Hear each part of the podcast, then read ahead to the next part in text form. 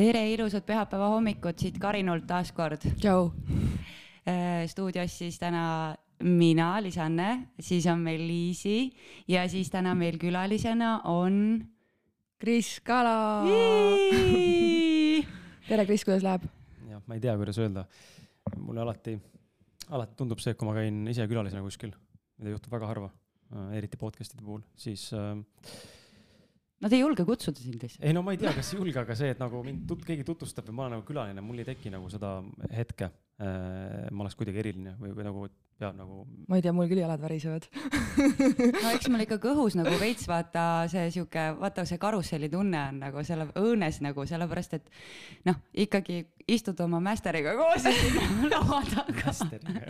aga me peaks olema vist meelitatud, et sa meie podcast'i tulid. jaa, pane mulle törtsu seda heli juurde ka sealt sellest, ei või meeldist lükka mul lihtsalt kõva. näed, tuleb juba, hakkab õpetama. jaa, just, nii on palju parem. mulle okay. meeldib, kui on, kui ma kuulen ennast kõvemini ja, ja, ja tegelikult ma olen number kolm, onju. Mhm, siis paneme siit juurde tegelikult ja toome ka teid natukene siia juurde, siis te no, kuulete ennast paremini ja. täna meil on heli, heli ja selle tehnika poole pealt on väga super saade, sest meil on nagu mäester on siin kohapeal, ta krutib ise. jaa mis tähendab mäster, miks te, äkki inimesed tahate inimestele rääkida, mis tähendab mäster, miks te no ikka sina oled meie juhataja, juht Juht. praegu sellesse podcast'i maailma. jah, koridori komandant natuke ikka äratab aukardust. tegelikult ikka nagu selles mõttes on ju, alati on äh, mingisugune aukardus nende inimeste ees, kes on selliste asjadega midagi suuremat juba saavutanud. ja, ja, ja see mäster ei ole ju mõeldud äh, kuidagi halva alatooniga, see on ikka pigem nagu väga hästi mõeldud, et, äh, et meil on hea meel, et me sinu tiiva all saame olla. ja et sa, et sa meisse nagu usud ja et sa seda kohe nagu haarasid kinni, see oli nagu äge.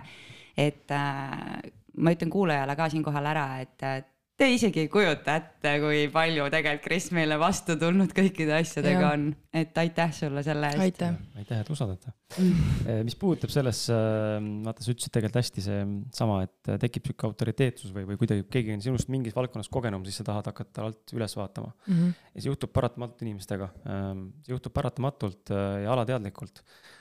ma ise eile äh, rääkisin sõbraga ja, ja, ja, ja jõudsin nagu sellele taipamisele, et ma ise ka täna, podcaster'ina ma ei tee seda, et kui mul on Urmas Sõõrumaa või Peep Vain või mõned muud tuntud inimesed, edukad inimesed, kes on materiaalselt edukamad kui mina või, või üldse kuidagi rohkem elus kogenud või, või ma ei tea, saavutanud, siis podcaster'ina suudan ma ennast võtta võrdsena mul ei teki seda tunnet, et ma olen kuidagi alavääristatud või et ma olen kuidagi vähem. ja aga kas, sorry, ma segan vahele, aga kas ei ole mitte sellepärast ka, et see on sinu valdkond, sina tead sellest vaata palju rohkem, kui nemad tulevad, on ju, sina tead, kuidas seal opereerida kõikide pultide. jah, aga, aga teema, millest me räägime ju, ma ju ei tea, on ju. noh, seda küll, jah. ma ei ole kindlasti Urmas Sõõrumaaga võrdväärsel kogemusel ega teadmistel äh, rahamaailmas või edu, ettevõtjana või Peep Vainuga, on ju, et aga ma olen märganud, et seal ei teki sellist äh, nagu võrdlusefekti, ma hakkan ennast kuidagi võrdlema ja võtan ennast kui võrdselt võrdsega ja suhtlen nagu täiesti nagu niimoodi, et ma oleks isegi veits nagu parem, kui tema on. ja see tuleb automaatselt. ja ma olen märganud, et see on aidanud mul äh, podcaster'ina või üldse inimesena nende samade inimestega jääda sina tasandile suhtlema kui sõbra tasandile aga,. ja kaob ära see vahelt see filter, on ju, et keegi on parem ja kehvem mm. -hmm. aga mida ma eile sõbraga suheldes mõistsin on teatud inimesed, äh, kellega ma siis alateadlikult teen seda ja, ja seesama autoriteetsus tuleb siin sinu jutu juurde kaasa, et on teatud inimesed, kellega mina isiklikult seda teen, kus ma ennast panen alamale positsioonile automaatselt.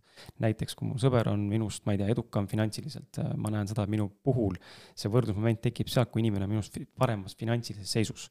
siis mul tekib selline, et oh, holy shit nagu, et uh, ma peaks nagu austama seda inimest, mul täna ei ole seda, on ju ja, ja ma olen näinud, et siis tekib see alateadlik moment, kus ma hakkan ennast äh, vähem väärtustama ja ennast alla tõmbama. teist inimest nähes, enda, enda nähes samamoodi. Ja maailmal või elul siis ei jää muud varianti kui peegeldada, kus siis tulevad sündmused, kus ma näen, et mind ei väärtustata mm. -hmm. kas siis antakse vähem raha, äh, saadetakse koostöödes minema, äh, suhtutakse minusse kui suvalisse kõrvaleolevasse inimesse, kuigi ma olen võib-olla projektijuht, eks ole, ise idee loonud. et see on hästi huvitav dünaamika, kuidas on näha, et teatud inimestega suudad nagu olla neutraalne ja mingites inimestes on midagi sellist, mida sa kas kadestad või tahad nagu enda puhul ka nagu näha. Ja seal tekib tohutu alaväärsuskompleks. ma tahtsin just küsida, et see on ikka see enda mingi kompleksi teema, mis sealt välja tuleb mm. -hmm. ja minul praegu arvatavasti ongi ka mingi kompleksi teema, sest mina ei tea täna, kuidas teha nagu nii, noh, ma olen nii alguses alles, me oleme nii alguses podcast'iga, et äh, sellepärast mul ongi niisugune nagu ma ei tea, kas me teeme. ja ei peagi teadma, kui keegi oleks mulle öelnud äh, kolm pool aastat tagasi, et äh, see, mida ma täna teen podcast'i Ausad mehed või, või podcast'i coach'ina või veel mingisuguse podcast'ina, kus ma olen saatejuht äh, või läbiviija või selle eestvedaja, et kõike nüüd tuleks teha täna korraga ühel päeval nüüd noh, ma paneks nööri ka ilmselt mm, -hmm. seda on väga palju. et sama on teil, et kui te ennast hakkate täna kuulama järgi või inimesed teid kuulavad, ma pakun, et kuskil kahe kuu pärast on, olete te hoopis teised saatejuhid mm, -hmm. hoopis teised inimesed ise ja kvaliteet läheb kogu aeg paremaks ja noh, teie õnneks või kahjuks äh, ma saan teid lohutada sellega, et te olete teinud väga suurepärase sammu, mis on investeerimine äh, tehnikasse mm, -hmm. mis võimaldab teil salvestada juba mm -hmm. nagu kvaliteetsema tehnikaga, kui mina alustasin. alustasin MacBooki salvestamisega, null eurot ja väga kohutav kvaliteet oli, et te olete juba next level ja, minust ees. aga samas nagu, kas ähm, see on nagu, see on nii äge, vaata, see on nagu teekond ju, samas on ju, sa, sa ehitad nullist midagi, sa saad pärast öelda, et näe, vaata, kuhu ma jõudnud olen. karjäär omamoodi. jaa, et äh, ma ei võtaks seda üldse nagu nii, et ma alustasin sellest nüüd ja, ja te alustasite nüüd sellest, sellepärast te olete parem, et sul võib tehnika olla nii hea kui, kui, kui tahes. aga kui sul jutt ei jookse ja sul ei ole mitte midagi rääkida või mitte midagi edasi anda, siis äh, see ei jõua see ei jõua inimesteni. absoluutselt ja siinkohal ma nagu ei taha üldse, kole on kedagi nagu maha teha või, või see ei olegi pigem maha tegemine, ma vaatan kõrvalt seda asja selliselt, et äh, jälle mitte ennast kiites, loomulikult ma tean, ma teen head asja, aga on ka hetki, kus ma teen väga sita asja. aga ma vaatan nagu suures pildis Eesti podcast'i maastikut, siis saatejuhtide kvaliteedist on puudus äh, ja ma tean, see kõlab toorelt, võib-olla mõni mõtleb, et holy shit, kuidas sihukest asja öelda, üldse öelda sellist asja. ma lihtsalt näen, et äh, need saated on minu, minu, ma saan ainult rääkida enda kogemusest mm, -hmm. et minu jaoks on need pinnapealsed ma tahan saada sügavust, ma tahan saada, inimesed räägiks päriselt maskidest, asjadest nii nagu on. mitte meil on tillila uhuhaa on ju, kõik naerame, mis on ka kihvt ja tore omal kohal. aga ma näen, et sellist kvaliteetset saatejuhi või saate juhtimist on väga vähe. inimesed küsivad väga, noh nagu sa ütlesid ka enne veel enne saateväliselt, väga labaseid küsimusi küsitakse. ja see ei ole üldse halb ega arvustav, vaid just nimelt see, et see näitab seda, et äh, kas pole huvi, eks ole, tegelikult inimese vastu või sa saad teha selliselt või on siis see, et ma ei, lihtsalt ei olegi enne mõelnud, kuidas küsida sügavaid küsimusi või mille, mida nagu, mida ma tegelikult tahan teada saada, ma tegelikult ei tea, mida ma tegelikult tahan teada saada. mina olen seal täna, mina tunnen, et äh, ma nagu alles hakkan kuidagi jõudma sinna, et ma, ma saaks aru, mis küsimusi ma üldse küsida tahan inimeselt. et praegult ongi sihuke noh, esimene saade külalisega, on ju. et ma tean, et ma tunnen, et kui läheb aeg edasi, siis ma, me nagu jõuame sinna. et praegult noh, praegult võib-olla minu küsimused, mis on, ongi natukene siuksed pinnapealsed, aga noh, ma ei tea. lõpetage okay., te jõuate sinna no see on üks asi, aga ma nagu arvan, et võib-olla seal on ka tegu sellega, et äh, see saatejuht, kes ise juhib seda saadet ei ole inimesena võib-olla kasvanud veel sinna mm, -hmm. et küsida nii sügavaid küsimusi mm. -hmm. sest me oleme ju kõik alustanud kuskilt, eks ju, selliselt mm -hmm. tasemelt, et äh, noh, nagu see esimene küsimus meil oli seal listis on ju, et kas sa taht-, kas sa alati tahtsid saada kuulsaks rääkides sellest esimesest küsimusest, mis te mulle olete siin täna esitanud, siis äh, vastus on jah ja ei ma arvan, me kõigis on, ma arvan, et see on paratamatu inim, inim, inimeseks olemise osa võib-olla mingil määral kindlasti mitte kõigil, aga ma näen iseenda puhul, et äh, eriti just nooruses me, me tahame kindlasti mingil määral tuntust rohkem kui võib-olla vanemas eas ja, ja loomulikult kellele ei meeldiks tähelepanu, kellele meeldiks teiste inimeste äh, kiidusõnad äh, või tunnustus. Need on kõik täiesti tavalised fundamentaalsed psühholoogilised aspektid, mille inimene tegelikult toetub, mida me vajame. me vajame ühtekuuluvust, me vajame seda, meid tunnustatakse. see on tegelikult täiesti arusaadav ja siis küsimus on nüüd selles, et ma enda puhul, mida ma näen, kas see on nüüd ego drive'i pealt mina tahan olla kuulus, ma ei tea, kes iganes XXX või minus on enda, on päriselt nagu see soov, et ma tahan äh, võib-olla, ma ei tea, suuremat impact'i teha ja selle võrra mm -hmm. siis tuleb kaasa see, et ma olen lihtsalt kuulsam mm. -hmm. ma olen näinud inimesi, kes on väga kuulsad, nendega suheldes podcast'is just ja nendega nagu läbi rääkides ja läbi käies näen seda, et väga paljud neist tegelikult ei ole tahtnud saada saada, et see on kaasnenud tegevusega, mida ta teeb, on ju et see on nagu see erinevus ja minu puhul kindlasti nooremana oli see, oli see ego, ego drive väga tugev, ma tahtsin olla kuulus kirjanik, on ju. miks, ma ei tea, lihtsalt tundus lahe, võiks kuulus olla. Üsna kiiresti mõistsin, et tegelikult mul, mulle see ei sobi. minu, minu karakteristika ja inimese loomusega see ei sobi, ma olen ekstravertne introvert, kes on õppinud lihtsalt olema ekstravert, siis kui vajadus selleks on tegema, ma tahaksin olla niimoodi, et noh, ma ei taha inimest, ma ei taha näha inimesi see kõlab nagu vastikult võib-olla või koledalt, eks ole, ma ei taha. ma saan ma, täiesti aru, millest sa räägid. inimesed mõtlevad selle peale, et ah, kumb ma olen, ekstravert introvert, no mõtle siis selle peale, et ma olen nagu enda jaoks nagu näinud sihukest head kaardistatust, et kui sa vaatad oma päeva lõikes, ütleme nädalavahetusel pole arvesse nii palju, aga nädala sees, kui sul telefon ikkagi kogu aeg on punane, noh, siis pigem oled sa nagu ekstravert, kes tahab nagu sotsiaalsust, on ju, kui see telefonitoru on nagu selline, et sul, ma ei tea, karvad-ussid hakkavad välja kasvama mikrofoni aukudest, noh, siis on pigem see, et sulle helistab üks inimene päevas, eks ole, ja see on võib-olla ka elukaaslane või parim sõber.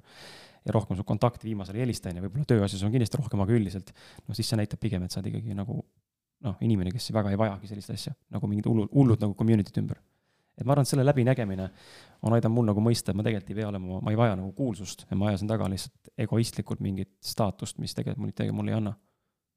no päris paljud inimesed, kes on nagu jõudnud kuskile või saavutanud midagi, nad tegelikult tuleb välja, et nad on ikkagi nagu introverdid.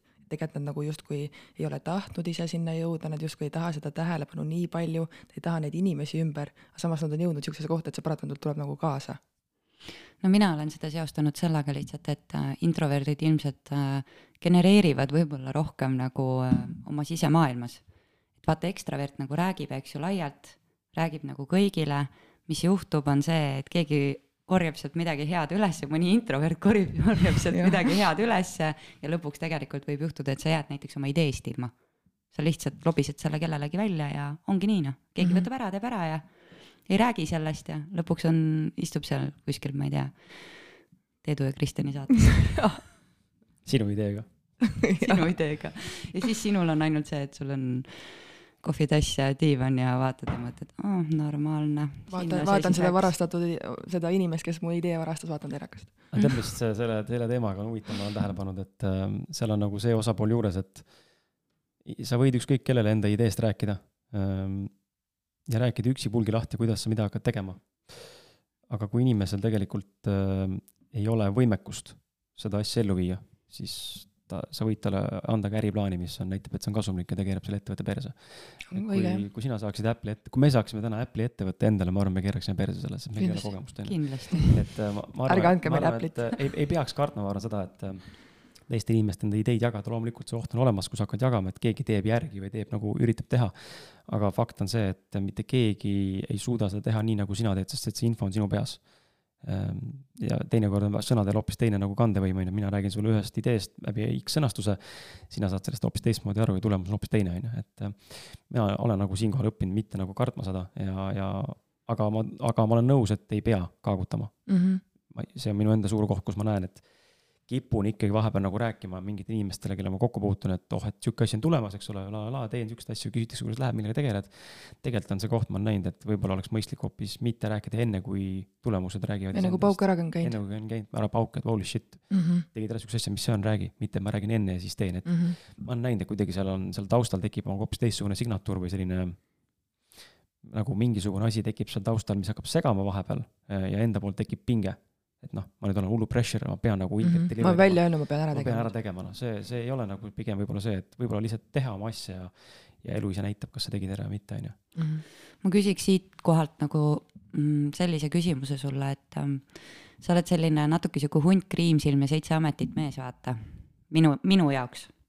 et äh, noh, ütleme nii, et me ei ole kumbki needsamad inimesed, kes me olime siis, kui me esimest korda kohtusime, on ju, aga Äh, ja see oli aastaid tagasi, aga lihtsalt. see oli peo, kui me koos lopsisime. ja, ja muidugi koos. kettisime täiega. ja, ja kuna mina, mina, mina hoidsin Krisi juukseid aga ühesõnaga selles mõttes, et äh, millega sa nagu kuidas sa järjestaksid kõiki, mina tean seda, et ma vaatasin, et on ju, me käisime koos ühel koolitusel, kummutan siin äh, oksendamise kuulujutu ja peale seda koolitust on ju ei läinud väga kaua aega, kui Kris Kalal tuli jälle raamat, hopsti. ja kuidas sealt see asi nagu sul edasi veerema hakkas? mis sul sealt need järgmised ja järgmised äh, projektid nagu olid?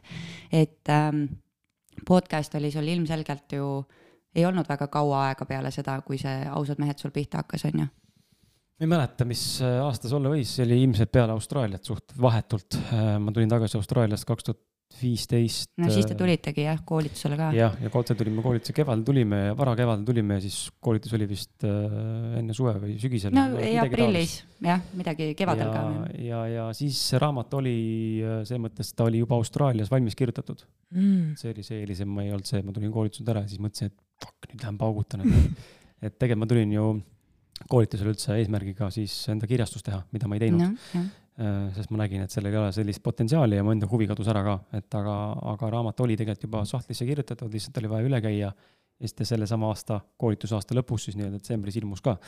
et see tegelikult oli juba varasemalt kirjutatud. okei okay..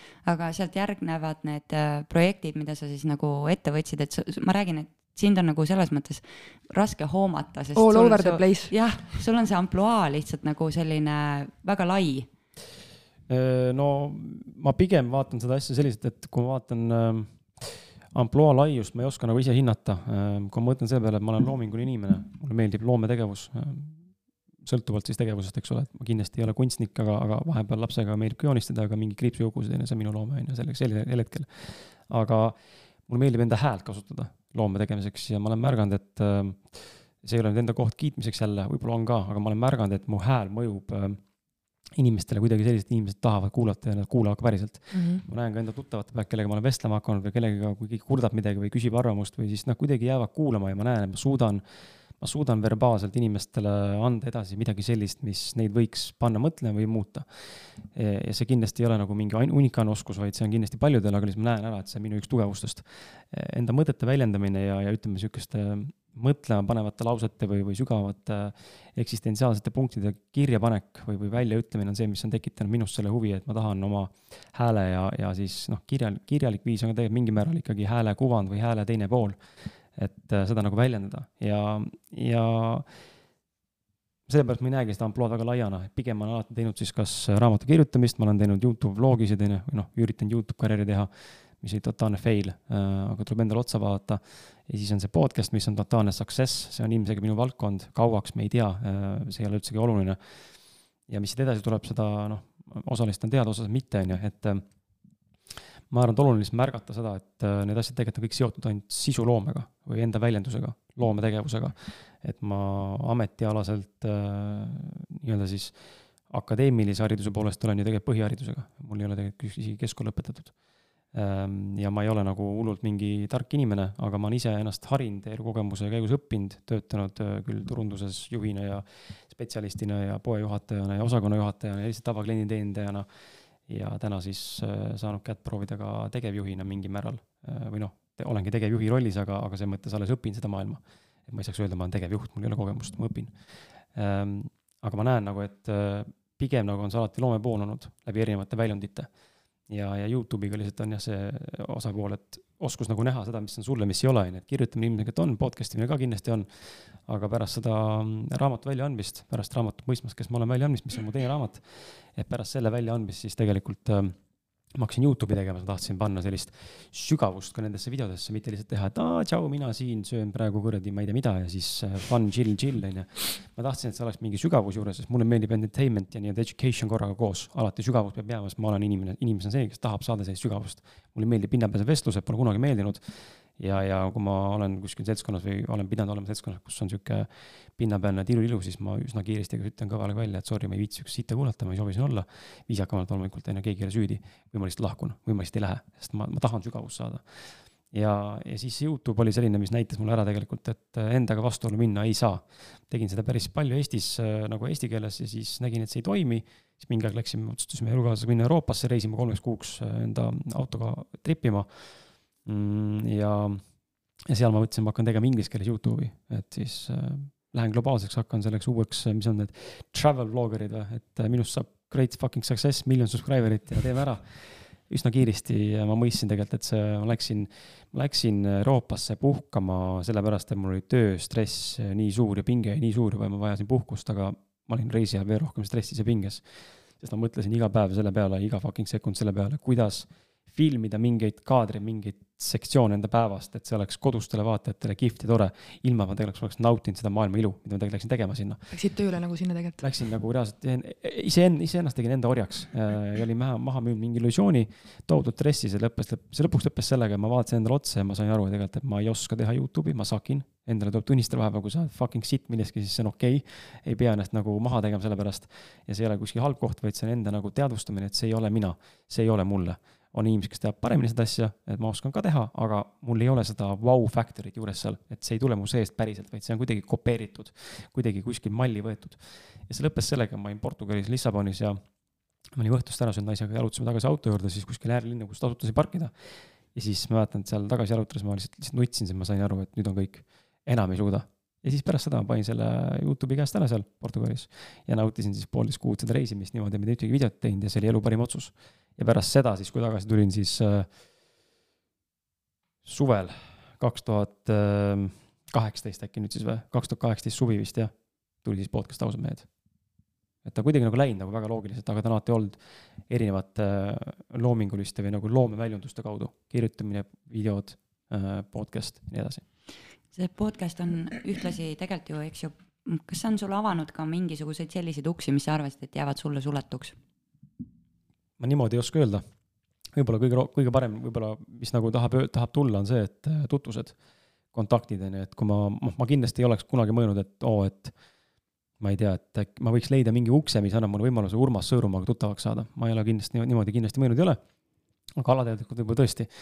Ehm, ja podcast on pigem nüüd tagantjärele nagu retrospektina vaadates ma näen, et podcast on avanud tõesti suhtlusuksi, tutvus, tutvusuksi selles mõttes, et äh, inimestega, kellega ma ilmselt ei oleks mitte ealeski või lähimate aastate jooksul mitte kuidagi loomulikul viisil kokku sattunud, aga podcast tõi need kokku, on ju, et see on kindlasti üks koht, mis ma näen ja mida ma teile ka soovitan ja et olla nagu valmis selleks, et võivad tulla niisugused kontaktid, mida te ei oleks ealeski arvanud, et tulevad. sest et see on ühendusplatvorm mingil määral, et te teete küll saate, aga ma olen alati olnud see inimene, kes, kui mul on saates külaline, keda ma tunnen, et ma nagu resoneerun temaga. Ta on mulle varem ka sümpaatne olnud võib-olla, või kasvõi saates on tekkinud see sümpaatsus, selline nii-öelda nagu arusaamine üksteisest, siis ma alati jään inimestega suhtlema. Ma hoian seda nagu kätt pulsil, äh, mitte et omakasupüüdlik olla, aga just nimelt, mul on isiklik huvi inimese vastu. ja nii mõnedki korra ma näen, et see on nagu viinud selleni, et inimesest on saanud sõber, on ju, noh, Peep Vain näiteks, ma tegelikult kohtusin Peebuga ju kuskil viisteist, kümme aastat tagasi kindlasti ma tegin talle ühte võrdturundust müüki tollal ja ta ei tahtnud osta seda, aga, aga nüüd podcast'iga siis käis ära ja meil tekkis klikk ja hakkasime suhtlema ja suhtleme siiamaani, on ju, et et see on hästi huvitav ja paljas porgand teen neid, on ju, et äh, ka podcast'is äh, pole varem kokku puutunud, käis korra külas mul, mul tekkis nagu konkreetne tunne, et peaks temaga suhtlema. ja, ja hoidsin siis sidet, Merilin või siis täna siis nime Cassie on ju, ei tundnud eriti huvi selle asja vastu. tundus, et teda ei koti väga, tal on savi on ju, mingi suvane kriss kuskilt. Ja ma muidugi, ma ei tea, minu, minu, minu nagu peegelduse, mida ma nägin, mulle tundus, et teda ei huvita. ja siis mingi hetk lihtsalt äh, kuidagi olime teinud veel paar saadet äh,, paar korda suhelnud internetis rohkem ja siis kuidagi ütlesin talle, kuule, aga teeme podcast'i koos ja siis ta alguses ütles, et ei, ma teen kellegi teisega, vaata, et ma ei hakka tegema, mul juba on idee olemas. ma ütlesin, okei okay,, fine, et lihtsalt käisin välja selle ja siis paar päeva hiljem kirjutab mulle, kuule, kas sa mõtlesid päriselt või? et äh, kas sa mõtlesid päriselt podcast'i osas, ma ütlesin, et jaa, aga teeme. Aga see on kõik sellepärast, et ma ise hoidsin, ma arvan, ma tahaks vähemalt järeldada, loota, ma hoidsin ise kogu aeg kätt pulsil, kuniks tekkis see aken, mille peale siis ma nägin tegelikult võib-olla või tundsin ära, et seal mõne aasta pärast on see realiseerumise koht, mis võib olla potentsiaal, on ju. et see suhtluste hoidmine, see on kindlasti aidanud väga palju elus äh, kaugemale jõuda ja saavutada. ja noh, asjad, mis elus oled saavutanud täna, mida ma teen, kas või siin mingite ettevõtmiste puhul, mida ma näen, siis väga paljud kontaktid on tulnud tegelikult läbi podcast'i külaliste, kellega suhtlema jäänud. Et äh, tahad, ma ei tea, a la Rotermanni kvartalisse mingit äh, asja sinna panna, eks ole, sul on vaja suhelda kellegagi, kes juhib seda Rotermanni kvartalit, eks ole, majandab seda, siis kes teab seda ah,, Tiit, Tiit on töötanud Urmas Sõõrumaa juures, helistan Tiidule, okei okay., Tiit annab kontakti, sul on kontakt olemas. ehk siis see on nagu see fantastiline pool, et see avab sulle uksi, sest sul on inimesed, kes noh, Eesti tippude koorekiht mingil määral, oma valdkonna tipud ja see on nagu see kihvt pool. Äh, porgandiga te ajasite koos asja, et äh, aga porgand otsustas, et Eesti, Eesti kliima vist on tema jaoks liiast, et läks sinna mõnusa Hispaania päikese alla, et tervitused muidugi talle siit, on ju.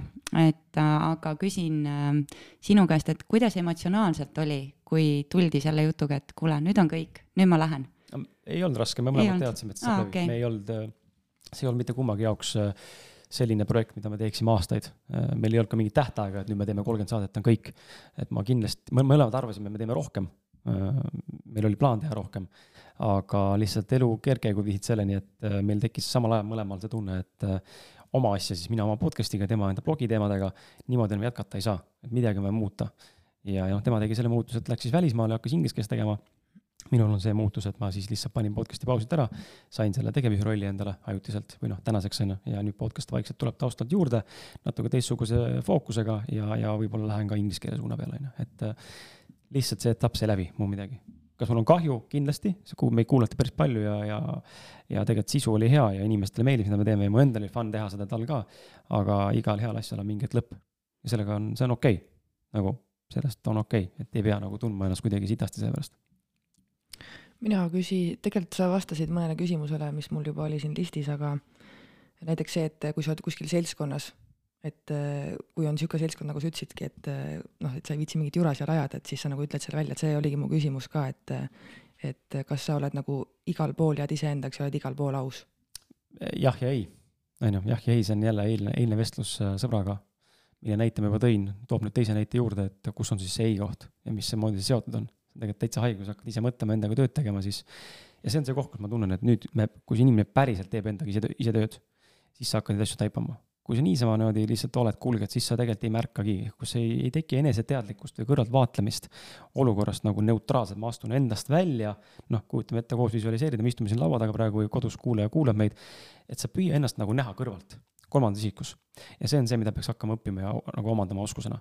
et näha ennast kõrvalt neutraalselt ja seda situatsiooni neutraalselt, sest me enda mina perspektiivist alati äh, võtame asju isiklikult, tahame või mitte. Äh, ja see sõltub seltskonnast, et üldiselt ma olen äh, alati poolt äh, ausa, läbipaistva ja filtrite kommunikatsiooni ees äh, või poolt, aga on teatud situatsioonides, kus ma näen, et ma ei julge teha seda. ja see ongi see koht, kus on siis autoriteet. ma olen lasknud sisse autoriteedi, mul on sõber, kellega ma olen näinud seda viimase paari kuu jooksul ja eile just rääkisime, ta ütles, et ta on seda asja tundnud, ta pole osanud sõnastada seda. ja siis ta eile ütles mulle väga hästi, et ma olen teinud, et mu sõbrast on saanud minu jaoks väga oluline inimene. ja nüüd ma olen pannud ta pjedestaalile automaatselt alateadlikult. ja tänu sellele, et ta on pjedestaalile pandud minu enda poolt, mis on toimunud alateadlikult, siis äh, ma automaatselt mingites situatsioonides ei räägi tõtt. ma nõustun okay., nõustun temaga. sellepärast, et äh, ja nüüd on see, miks me seda teeme, minul on see, minul on see teema, mida ma olen siis läbi coach'i sessioonide läbi saanud, hammustanud enda jaoks. et ähm, ma olen inimesena see inimene, kes mind väga ei huvita, mida minust arvatakse. Äh, ükskõik kui ülbelt või egoistlikult või üleolevalt see ei kõla ka mul üheksakümmend viis, üheksakümmend kuus protsendi ulatuses on täitsa pohhu, mis minust arvatakse. ma meeldin sulle, tore, kui ei meeldi, siis on ka see okei okay,, mul on ükskõik. mina teen oma asja, sinu ar-, et see, mida teised inimesed meist arvavad, ei mõjuta seda, kes me tegelikult inimesena oleme. ma mhm. teen oma asja, mul on poogen. aga teatud situatsioonides ma näen, minus on see killukene soov, mis meil kõigil sees veel on ja see ei kao mitte kuskile, ilmselt on see soov meeldida mm. -hmm. ja ma näen, et mina läbi coach'i siis olen üritanud tegeleda sellega ja siis eile tuli see uuesti silme ette, et äh, saingi aru sellest, et need kohad, kui ma ei ütle välja lõpuni oma tõde inimesele, kelle ma olen pjedestaalile pannud mingi põhjusel. kas ta on minust rikkam, eks ole, minust edukam, minust, äh, ma ei tea, vanem natukene, mis iganes, seal võib ka noorem olla, kui mul on mingi, tekib sihuke tunne, et oo, ta on must nagu targem. siis selles kohas on mul tekib automaatselt selline nagu plokk ja ma ei taha ennast väljendada, sest ma kardan, et võib-olla, mida ma ütlen, inimene ei nõustu või ta hakkab must teistmoodi arvama ehk siis mul on see hirm, et minust, äh, mind vaadatakse viltu ja ma ei meeldi inimesele. Ja just sellele inimesele, keda mina väga nagu hindan ja austan. ja see on väga huvitav dünaamika, aga tegelikult sellest tuleb lahti lasta, et see on enda, enda alavääristamine sel hetkel, kui sa seda teed. ja teise inimese liigne pjedestaalile panek, mis tekitab automaatselt äh, ütleme sellise pingestatud olukorra energeetilises mõistes, mis siis äh, vallandub tõenäoliselt mingite erinevate tegevuste ja tulemuste najal, kus äh, kas suhte peab minema katki või elu toob sulle mingisuguse keerdkäike, äh, elu nagu tasakaalustab. et nii kui tekib, ma olen näinud seda, nii kui tekib selline asjade ületähtsustamine, et vot see on nüüd see asi, mis nagu must have, et see on jumalik asi, et kui ma seda ei saa, siis ma suren, umbes sihuke suhtumine, siis asjad lähevad just nimelt perse. sest et sa paned sellesse liiga suure tähtsuse et äh, see on ka tänase podcast'i puhul, et äh, tehke oma asja lihtsalt ja ärge, ärge mõelge selle peale, et see on esimene saade või esimene saade külalisega või, või te lihtsalt räägite ja me mm -hmm. saame salvestama. ma arvan, et see on elus üldse nagu niisugune naljakas, naljakas asi vahest, et äh, ma ei tea, kas sa nõustud minuga, aga vahest me teeme seda ka ju oma kodus. ma ei tea, kas sina, sina teed seda, mina, mina kindlasti teen seda, et ma ei ähm, noh, vaata, see on see, et kui sul on, eks ju, ka oma elukaaslase arvamus väga oluline, siis vahest sa tunned, et targem on praegu vait jääda. ei? mul on tugevam pool, et vist ei, vist ei nõustu sinuga okay.. mul seda vist ei ole, ma saan aru, mida sa mõtled, aga ma püüdsin nagu sinu juttu kuulata, et kas ma, tuleb mingeid situatsioone meelde, siis mul pigem nagu tundub täna enda suhet vaadates, et Eh, on nagu totaalse filtrita kommunikatsioon, et isegi kui me räägime häbiasjadest või ülipiinlikest momentidest või mingitest asjadest, mis mul on tõesti nagu selline, et no,. mis asi see ülipiinlik moment üldse on?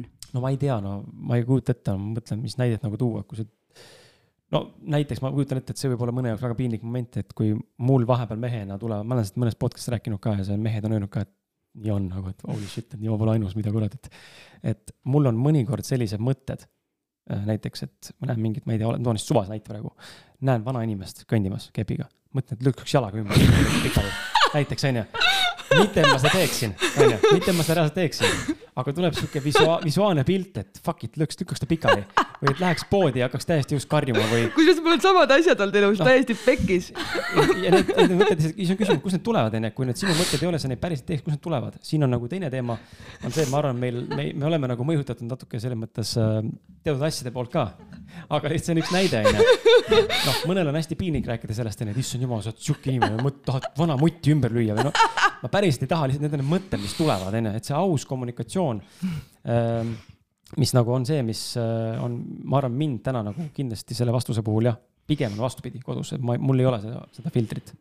küll, küll enda perekonnaga on, on ju, et enda e, e, naise emaga on kindlasti see, enda isaga on kindlasti see, enda ema on kindlasti see. see on see austus, see on nüüd see nagu alt üles vaatamise koht? ei, seal on pigem see, et ma tean, et mind ei mõisteta okay.. ja ma ei, ma ei soovi minna sellesse kohta, kus meil tekib konflikt, et mm -hmm. ma olen väsinud sellest, äh, kaheksa aastat on kogemust piisavalt, et näha, et see ei tööta ja see ei muutu. jah, et see ei ole mõtet ei nagu ole mõtet. seda saagida no,, seda oksa. ma ei, ei saa mm -hmm. endast midagi, midagi rääkida, sest et see on trigger. mis on vale, ma surun ennast alla, eks ole, ma peaks pohhu olema, aga ma lihtsalt näen, et see lihtsalt, see teeb, see on mõttetu. see on dead end. noh, ja ma täna siis pigem ei suhtle enda vanematega selle, sellel viisil, mul ei ole vaja seda, on kõik. mis on ka nagu selles mõttes okei okay,, et äh, et see on kõigi kaitseks pigem, on ju. et vahest nagu tuleb seda, seda nagu ja, ja ma, et... ma olen väga seda meelt, et äh, elus ei pea kannatama ja elus äh,, ma üha rohkem näen seda viimase aasta jooksul just, et elus asi peaks olema lihtne ja mõnus ja voolav. nagu, kui sul on kuskil valukoht, siis äh, minu jaoks on see koht, et äh, sa kas tegeled sellega ja kui sellega tegeleda ei saa, nii-öelda lahendust sellele ei tule äh,. või mitte midagi, siis, siis jät-, siis leave it mm. -hmm. kõik, drop it, head aega lase lahti, vaata see lahti laskmine päriselt on nüüd see raske koht, on ju, et äh, need on need valusad teemad ja mul on samamoodi mingites valdkondades nii suhtes kui mujal elus. Need lahtilaskmised, need on väga rasked teemad, sest et lõpuni me ei saa aru sellest, kuidas see lahtilaskmine käib, see käib mõistuse tasandil alguses, tegelikult see peab käima kuidagi nagu sisemiselt. et ma nagu lasen päriselt lahti, mul on ükskõik, täiesti vabastan selle, et. see on nii hea saa, tunne, ma arvan, et äh, et äh, kõik me kolm, kes me siin laua taga istume, saame sellest tundest ju väga hästi aru, mis asi on see lahtilaskmise tunne, kui sa ühel hommikul lihtsalt ärkad, ma ei tea, kas teil on olnud niimoodi, minul on küll olnud. ärkad hommikul ja ma saan aru, et ma olen jumala vaba sellest asjast nüüd mm, -hmm. kõik.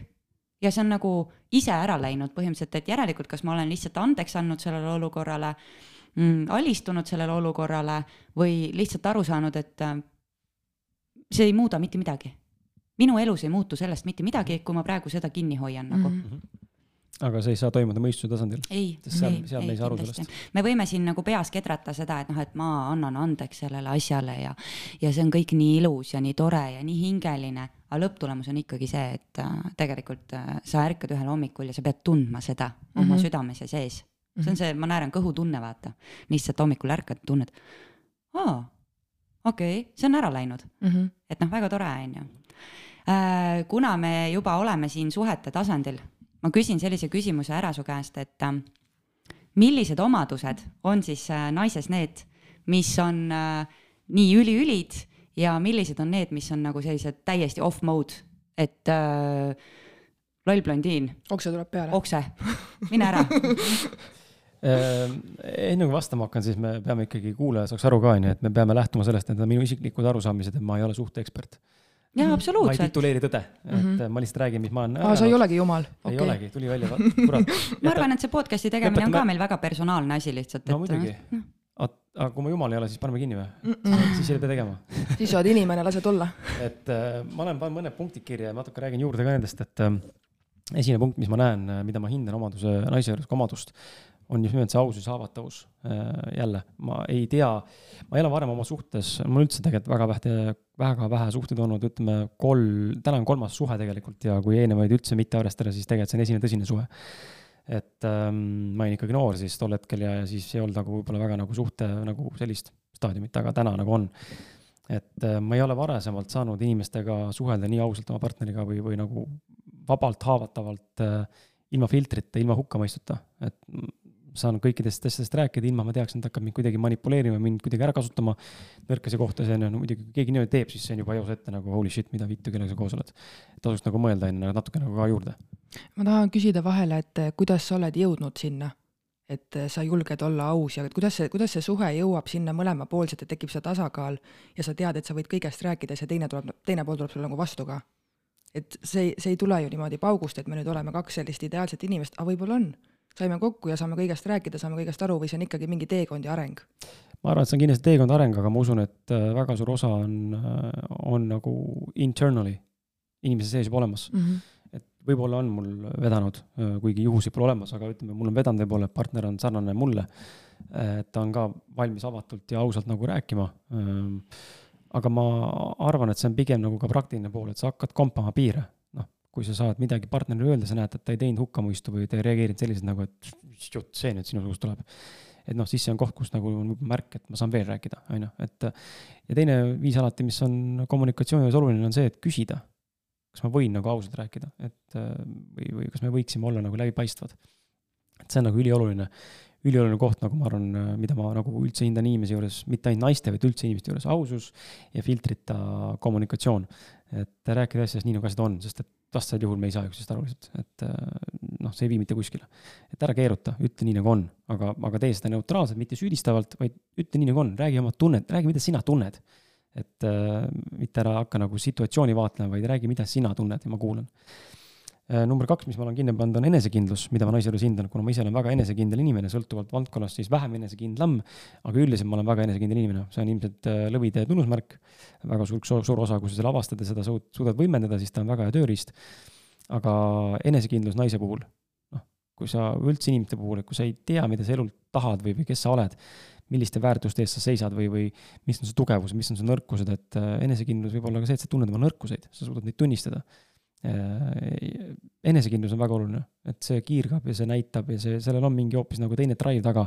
kui sa teed midagi asja enesekindlalt või teed asja nagu selliselt, et noh, et mm, ma nagu ei tea, mida ma teen, aga ma siis katsetan, on ju, et see võib tuua hoopis teised erinevad tulemused, kui ma lähen nagu peas sisse, et fuck it. ma lihtsalt tean, et see nii on, mul on pohhu, mis te ütlete ja nii saab ja tegelikult taas niimoodi lähebki. mu elus on väga palju asju juhtunud sellise viisi, kus ma lihtsalt otsustan, et nii on, mul on äratundmine selle situatsiooniga või kogemusega või projektiga või ettevõtmisega ja ma tean enesekindlalt, et ma teen selle ära ja see lähebki selles suunas. noh, see on see enesekindlus, aga see on sisemine. kas sa, küsin siin ära ühe trikiga küsimuse. Eh, kui sa minu ja Liisiga kokku said, kas sa nägid meis ka midagi sellist naistena, et sa teadsid, et sa vaatasid seda ja mõtlesid, no jah, siit tuleb midagi? pigem küll jah okay., pigem, pigem küll, et ma näen, kui ma mõtlen nagu noh, teid mõlemat vaatan, siis ma nagu tunnen märksõna enesekindlust, ma näen. ma ei oska praegu kohe öelda, kuidas see väljendub või milles, aga ma näen nagu isiksuse tüübis inimeses endas, et on seda tahtmist ja on seda drive'i ja sellist nagu suutlikkust asju ära teha. ja noh, see, et me siin täna istume, eks ole, ja minu eestvedamisel või piltlikult öeldes näpu perse toppimisel onju.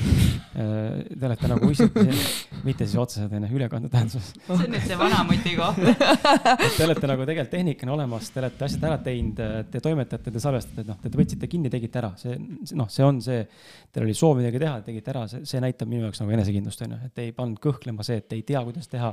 Polnud võib-olla kohe ressurssi, kuidas mingeid asju osta onju või mis iganes, see lahendus tuleb tuleb lihtsalt usaldada ja mm -hmm. minna selles suunas edasi ja need märgid, elu ise näitab, kas see on sulle või see ei ole sulle mm, -hmm. kõik hetkel voolab, nii et andke tuld, onju. Mhm. et see enesekindlus, see, see, see, et kõik voolab, peaks tekitama enesekindlust juurde. kindlasti, kindlasti. ja see ei pruugi olla lõpmatuseni, aga see on see, mis on täna, onju. number kolm, mis ma välja toon, on eneseteadlikkus, et just nimelt see, et enda poole, kuidas ennast nagu kõrvalt vaadata, et kui me enne rääkisime ennast nagu distantsilt kolmandas isikus vaadates või vaadatuna, siis see eneseteadlikkus, et näha enda nõrkusi, näha enda tugevusi, näha enda trigger eid Äh, mis su elus on, eks ole, kas partner toob välja või toob mingid situatsioonid välja ja alati lõpuks vaadata läbi selle, see kõik taandub sinusse endasse, ei ole mitte keegi sinust väljapoolt süüdi, sina ise oled sitakeera iseendale või sellele maailmale. et äh, see on inimeste raskesti mõista, ma saan sellest aru, see on moodul, millega me ei ole harjunud elama. me tahame alati näidata näpuga, eks ole, aga näpuga näitamise juures mul tuleb hea, hea, hea lause meelde, et Robin Sharma on öelnud sellise hea, hea nagu tsitaadi, et every time you point a finger to another person, there's three pointing back at you, on ju, et uh, kui sa pöör-, näitad näpuga kellegi suunas, võite ise proovida seda, on ju, siis tegelikult alati nagu nimet-, noh, näp-, minul läheb automaatselt näpud lähevad rusikasse, eks ole, või ei lähe rusikasse. aga, aga sa näitad nimetisõrmega kellegi poole, kolm on ju uh, peopesasse nii-öelda kinni pandud sinu suunas, piltlikult mm -hmm. öeldes ehk tegelikult on alati mõlemad pooled, aga üldiselt mina olen hakanud viimase pooleteise aastaga jõuliselt vaatama maailma läbi selle, et äh, see on minu loodud. isegi kui inimene teeb mulle midagi, siis see on minu loodud mm, -hmm. mitte nüüd otseselt no,, aga näiteks, kaudselt. ma toon siin ühe lihtsa näite, et noh, et kes võib-olla sada prossa nagu sellest äh, äh, noh, tiibist nagu teemast nagu aru ei saa, siis ma toon lihtsa näite oma kodust üks päev. tegin süüa, panin ahjukartulid ahju ja mees ütleb, mida sa praed nendest kanadest, vaatasin, viska need ka sinna ahju sinna peale mina muudkui võtan need kanad, viskan sinna peale ja siis ta ütleb, kurat, sa panid need liiga vara ju sinna. ja siis nagu sul on selline viha juba sees, et pakk, ma ei oska nagu naisena süüa teha või. et äh, sa tegelikult saad aru, et noh, et kui ma nüüd midagi ütlen, siis see balloon plahvatab seal toas, on ju. et tegelikult tulebki aru saada, et ilmselt mina nagu noh, I fucked it up, on ju, aga selles mõttes, et, et äh, see on see moment, kus sa nagu kus sa nagu tahaksid vaata öelda midagi aga sa saad aru, et tegelikult on targem nagu vait olla, sest sa saad aru, et sa tegelikult oled valesti käitunud ise. et sa nagu trigerdasid ise selle olukorra ka, on ju, ära kuidagi aga see ei ole koht, kus ennast süüdistada, vaid seda et võib-olla, võib-olla see situatsioon, et see söögi tegemine ei tulnud sellel hetkel välja, on sellepärast, et sa tegelikult ei tahtnud teha süüa päriselt. ei tahtnudki, sest mul abikaasa ütles mulle, kusjuures pärast ma näen, et sa oled jumala kaugel kuskil ära, miks sa võtad üldse asju ette, kui sa nagu oled mõtetega kuskil nagu mujal, vaata.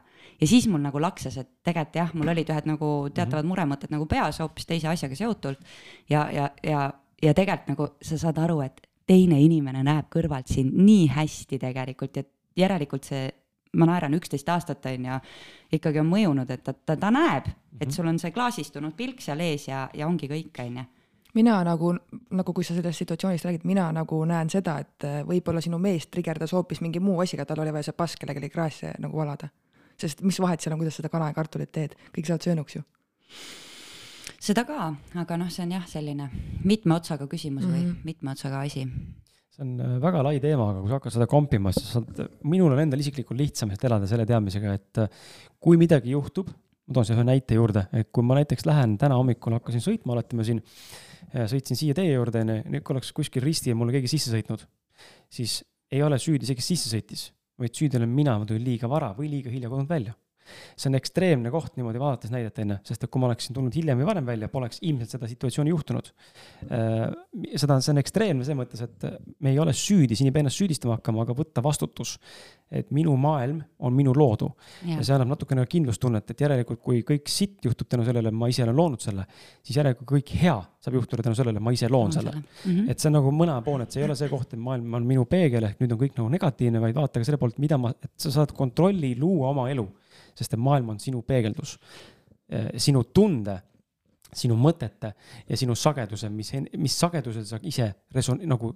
resoneerid. resoneerid või mm -hmm. nagu võngud. me räägime siin kvantfüüsikast, ma ei hakka siin pikalt rääkima, aga see on sageduse maailm, energiamaailm on reaalne maailm, seda ei ole nagu mingi voodoo mm. -hmm. et me, me, me kiirgame endast kogu aeg välja energiat ja sagedust ja me tõmbame ligi vastavat sagedust või vastavat äh, energiat või, või, või sündmust või inimest või situatsiooni või, või kogemust, millel on vastav sagedus, millega me ühtime lihtsalt. muud ei olegi, meie raadiolained lähevad ühele lainele ja me kuuleme raadiot või me näeme siis nii-öelda nüüd pilti reaalses maailmas nagu mani-, materialiseerumas jah, et see süüdistamine võib-olla oli vale nagu sõna, aga noh, see oligi nagu see, et pärast ma astusin nagu kõrvale sellest ja mm -hmm. noh, nagu vaatasin kõrvalt seda mm -hmm. olukorda uuesti nii-öelda jutumärkides enda köögis, siis ma sain aru, et äh, seda oleks saanud teha teistmoodi mm. -hmm et aga mina reageerisin tegelikult ka. mulle tugev. tundub, mina olen nagu sellesse enda kõrvaltvaatamisse jõudnud, ma arvan, viimase poole aasta või aasta jooksul, see ongi see, et nagu partner nii tugevalt äh, raputab vanade haavade peale soole, et sa pead hakkama nagu kuidagi muud moodi sellele vaatama mm. -hmm. ja see on tegelikult äge koht, kui sa nagu astud kõrvale ja vaatad, et aga mõtled küll aastaid, mees on täielik jobu, vaata, ja siis jõuad sinna, et aga ma olen ise samasugune jobu. ta ei saa jobu olla, kui mina jobu ei ole et see on äge koht, et sealt nagu hakkab jälle see eneseteadlikkus. lihtsalt äh, see, et noh, et kuidas sa seda sagedust tõstma hakkad, kuidas mm -hmm. siit edasi, et äh, et, et ma arvan, et Krisil on nagu selles mõttes äh, meesterahvaste puhul, see kõlab väga nagu feministlikult, ma arvan, aga meesterahvaste puhul seda kasvamist on natukene nagu vähem märgata. jah, aga ma tahtsin öelda Krisi kohta komplimendi mitte see, et ah, mis nüüd sina siin, aga just see, et see, et sa oled nagu aus ja sa räägid nagu täiesti filtrita ja sa räägid ükskõik millest, see on täiega seksikas mehe puhul. et muidu oli see, et vaatad, oh, noh, kunagi mina, ma räägin enda eest, onju, vaatad nagu, oh, musklid ja kiilakas ja nagu seksikas mees, onju, ja siis nagu hakkad koos elama, vaatad, et noh seest tühi. täna mul on jalgade päev See- jõusaalis. jaa, seest mis on tühi. ka, mis on ka okei okay.. jaa, see on okei okay,, aga täna ma hindan hoopis teisi asju jaa, aga see ongi see, et sisu kasvab inimesega koos mm. -hmm. et äh, mina näiteks vaatasin ka kunagi, vaata naistel on nagu pidevalt äh, mingis, mingis elufaasis ma sain aru, et äh,, et on mingi checklist, mille alusel sa nagu valid endale inimest. ja siis see checklist on täidetud, siis mõtled, kuhu edasi nüüd siis nagu. jah, ja siis teed uue checklist'i ja hakkad hoopis teise, teisest Jaa, otsast peale, täpselt, mis tegelikult nagu loeb. aga partner võiks nagu samaks jääda, on ju, Mhm. küsimus on selles, kas äh, toimub koos kasvamine või ei. no mul on praegult hästi teravalt seesama küsimus, et ma, ma ise olen nagu praegu siukses keerulises kohas, et mina ei tea, kuidas siit nagu ise täna edasi minna, et ise nagu näen ennast kõrvalt, olen enda mingi pasaga tegelenud, onju, aga siis mul ongi see küsimus, et kui partner nagu on nagu nii suures eituses või ei tule, ma ei taha öelda, et tuleb järgi, et ma nüüd lähen ees ära, tulge kõik järgi, ma ei taha nagu niimoodi pahasti öelda, aga hästi suur nagu koht ongi see, et kas, kas siit üldse on kunagi võimalik nagu minna päriselt normaalselt edasi või, või kuidas see nagu laheneb või kas see üldse laheneb või kas lasta nagu lahti, et aga hästi. Liisi, naudi seda paska. ei, ma naudin täiega, ma naudin täiega seda paska. ma alati äh, mängin selle stsenaariumiga ka, et äh, kõik asjad, millest me suudame mõelda või ette kujutada, on juba olemas. küsimus on lihtsalt, millise äh, reaalsuse või, või tõenäosuse sa oma elust saad, valid, otsustad teha. valik on olemas see, et lähete laiali. valik on olemas see, et mees areneb sinust mööda ja arenete koos, on ju, kõik valikud on olemas. et äh, lihtsalt küsimus on see, kuhu te liigute ja mis puudutab nagu meeste-naiste erinevust, siis ma olen nõus, et mehed äh, mingil määral võib-olla tulevad äh, sellise, et naistel on see nagu soodumus või, või kuidagi mitte soodumuski, vaid nagu huvi võib-olla rohkem minna nagu nende teemadega intuitiivne kasvamine. intuitiivne kasvamine on nagu naistel olulisem, onju. mis ei tähenda, et meestel seda ei ole, kui mehed sellega tegelema hakkavad, siis see on samamoodi ilus tulema. lihtsalt meil on ühiskondlikult ju nii naistele kui meestele surutud peale mingid dogmad ja mingisugused uskumusmustrid ja paradigmad, mismoodi peab üks mees ja naine tegelikult olema ja see on põlvkondade kaupa tegelikult kaasas käinud meiega taagana. ja, ja paratamatult see mõjutab meid kas me usume eelmisi elusid või kas me usume mingit, ma ei tea, konstellatsiooni, pereteraapia mingit teemat, on ju, siin ei ole vahet, midagi on alati ühiskondlikult meile peale surutud lapsest põlve saadik, on ju. väga oluline areng on lapsel alati just esimesed seitse aastat, tegelikult isegi esimesed kolm, aga seitse on sellised suuremad aastad, kus kõige rohkem elu paika pannakse, tegelikult esimese aastaga pannakse enamus paika juba isiku nagu arengus ja iseloomus. aga ma näen, et äh, ka mehed on võimelised, lihtsalt meid on õpetatud, mehed ei tohi nutta mm. -hmm. mehed ei tohi tunda oma tundeid, see näitab sinu nõrkust, on ju. aga mida ma näinud olen, see sinu näide, Liisi, oli väga hea, on ju, et musklis mees. mida ma näinud olen, on see, et äh, need musklid on okeid. see nende keha eest hoolitsemine, see on väga tore, kui sulle meeldib teha seda, see on väga oluline. mulle meeldib ka, aga, aga mitte sellisel moel täna vähemalt veel mitte. aga oluline on nagu aru saada sellest ka, et äh, et nende musklite taga äh, on ka tegelikult inimene ise ja väga paljudel inimestel, kes äh,, ma jälle üldistan mingit gruppi, kes enda välimuse nimel hullult tööd vaeva näevad, neil tegelikult on väga palju komplekse, väga palju puudujääke, me kogu aeg tegelikult terve elu, kõik mm. -hmm. inimesed, kõik inimtüübid, me kogu aeg korvame äh, mingeid puudujääke mingite muude asjade arvelt ja samamoodi me tegelikult äh, matame, tambime kinni mingeid kindlaid emotsioone või toidame mingeid emotsioone läbi mingi tegevuse. no toon nagu näite, kui ma tean, et kartulikrõpsu söömine koos äh, taimse hapukoorega on mulle kahjulik, siis miks ma seda ometi näiteks kuus korra teen vahepeal? järelikult ma toidan mingit emotsiooni, taga on emotsioon alati, alati mingisuguse harjumuse taga või halva harjumuse taga või käitumismustri taga on emotsioon, mida ma tegelikult toidan. ja kui me sellest endale enne aru ei anna ega ei suuda seda teadvustada, et ma mitte ei söö sellepärast, et oo, noh, aga see maitseb hästi ju no,. see on, see on nii loll vastus, sa isegi tegelikult ei mõtle, see maitseb mm -hmm. hästi, no tore, aga miks sa seda, miks sa seda tahad süüa, miks see maitseb hästi sulle? no ma ei tea, aga millal sa seda sööd? no siis, kui mul on äh, närvid läbi, noh, selge, miks närvid läbi on? no naine karjub, ma ei, tööl on pekkis selge, probleem on tegelikult tööl on pekkis, sa ei pea Mhm. seda kinni matma nüüd kartulikrõpsu söömisega, vaid tuleb hakata tegelema, mis seal pekkis on, mis see emotsioon seal taga on selle asjal. kuidas ma lahendan töö juures selle situatsiooni, on ju. jah, või enda sees Enda sees. selles asja, mitte ma lähen ja matan selle kinni, onju, et see Plaastrite panemine. et noh, kartulikrõps on veel lihtne näide, inimesed panevad narkotsi ja teevad alkoholi ja on seksisõltuvused ja no just sõltuvused on väga jubedad asjad, onju. ja need tulevad väga lihtsasti, et mis emotsiooni tegelikult sa kinni matad või mida sa toidad. mina näiteks väga pikalt, enne kui ma maksapuhastusele midagi, väga pikalt tarbisin peaaegu et iga päev karastusjooke. mulle tohutult meeldivad limonaadid, ainuke, ainuke pahe. muid asju üldse ei söö, mingi kotikommid, šokolaad, asjad.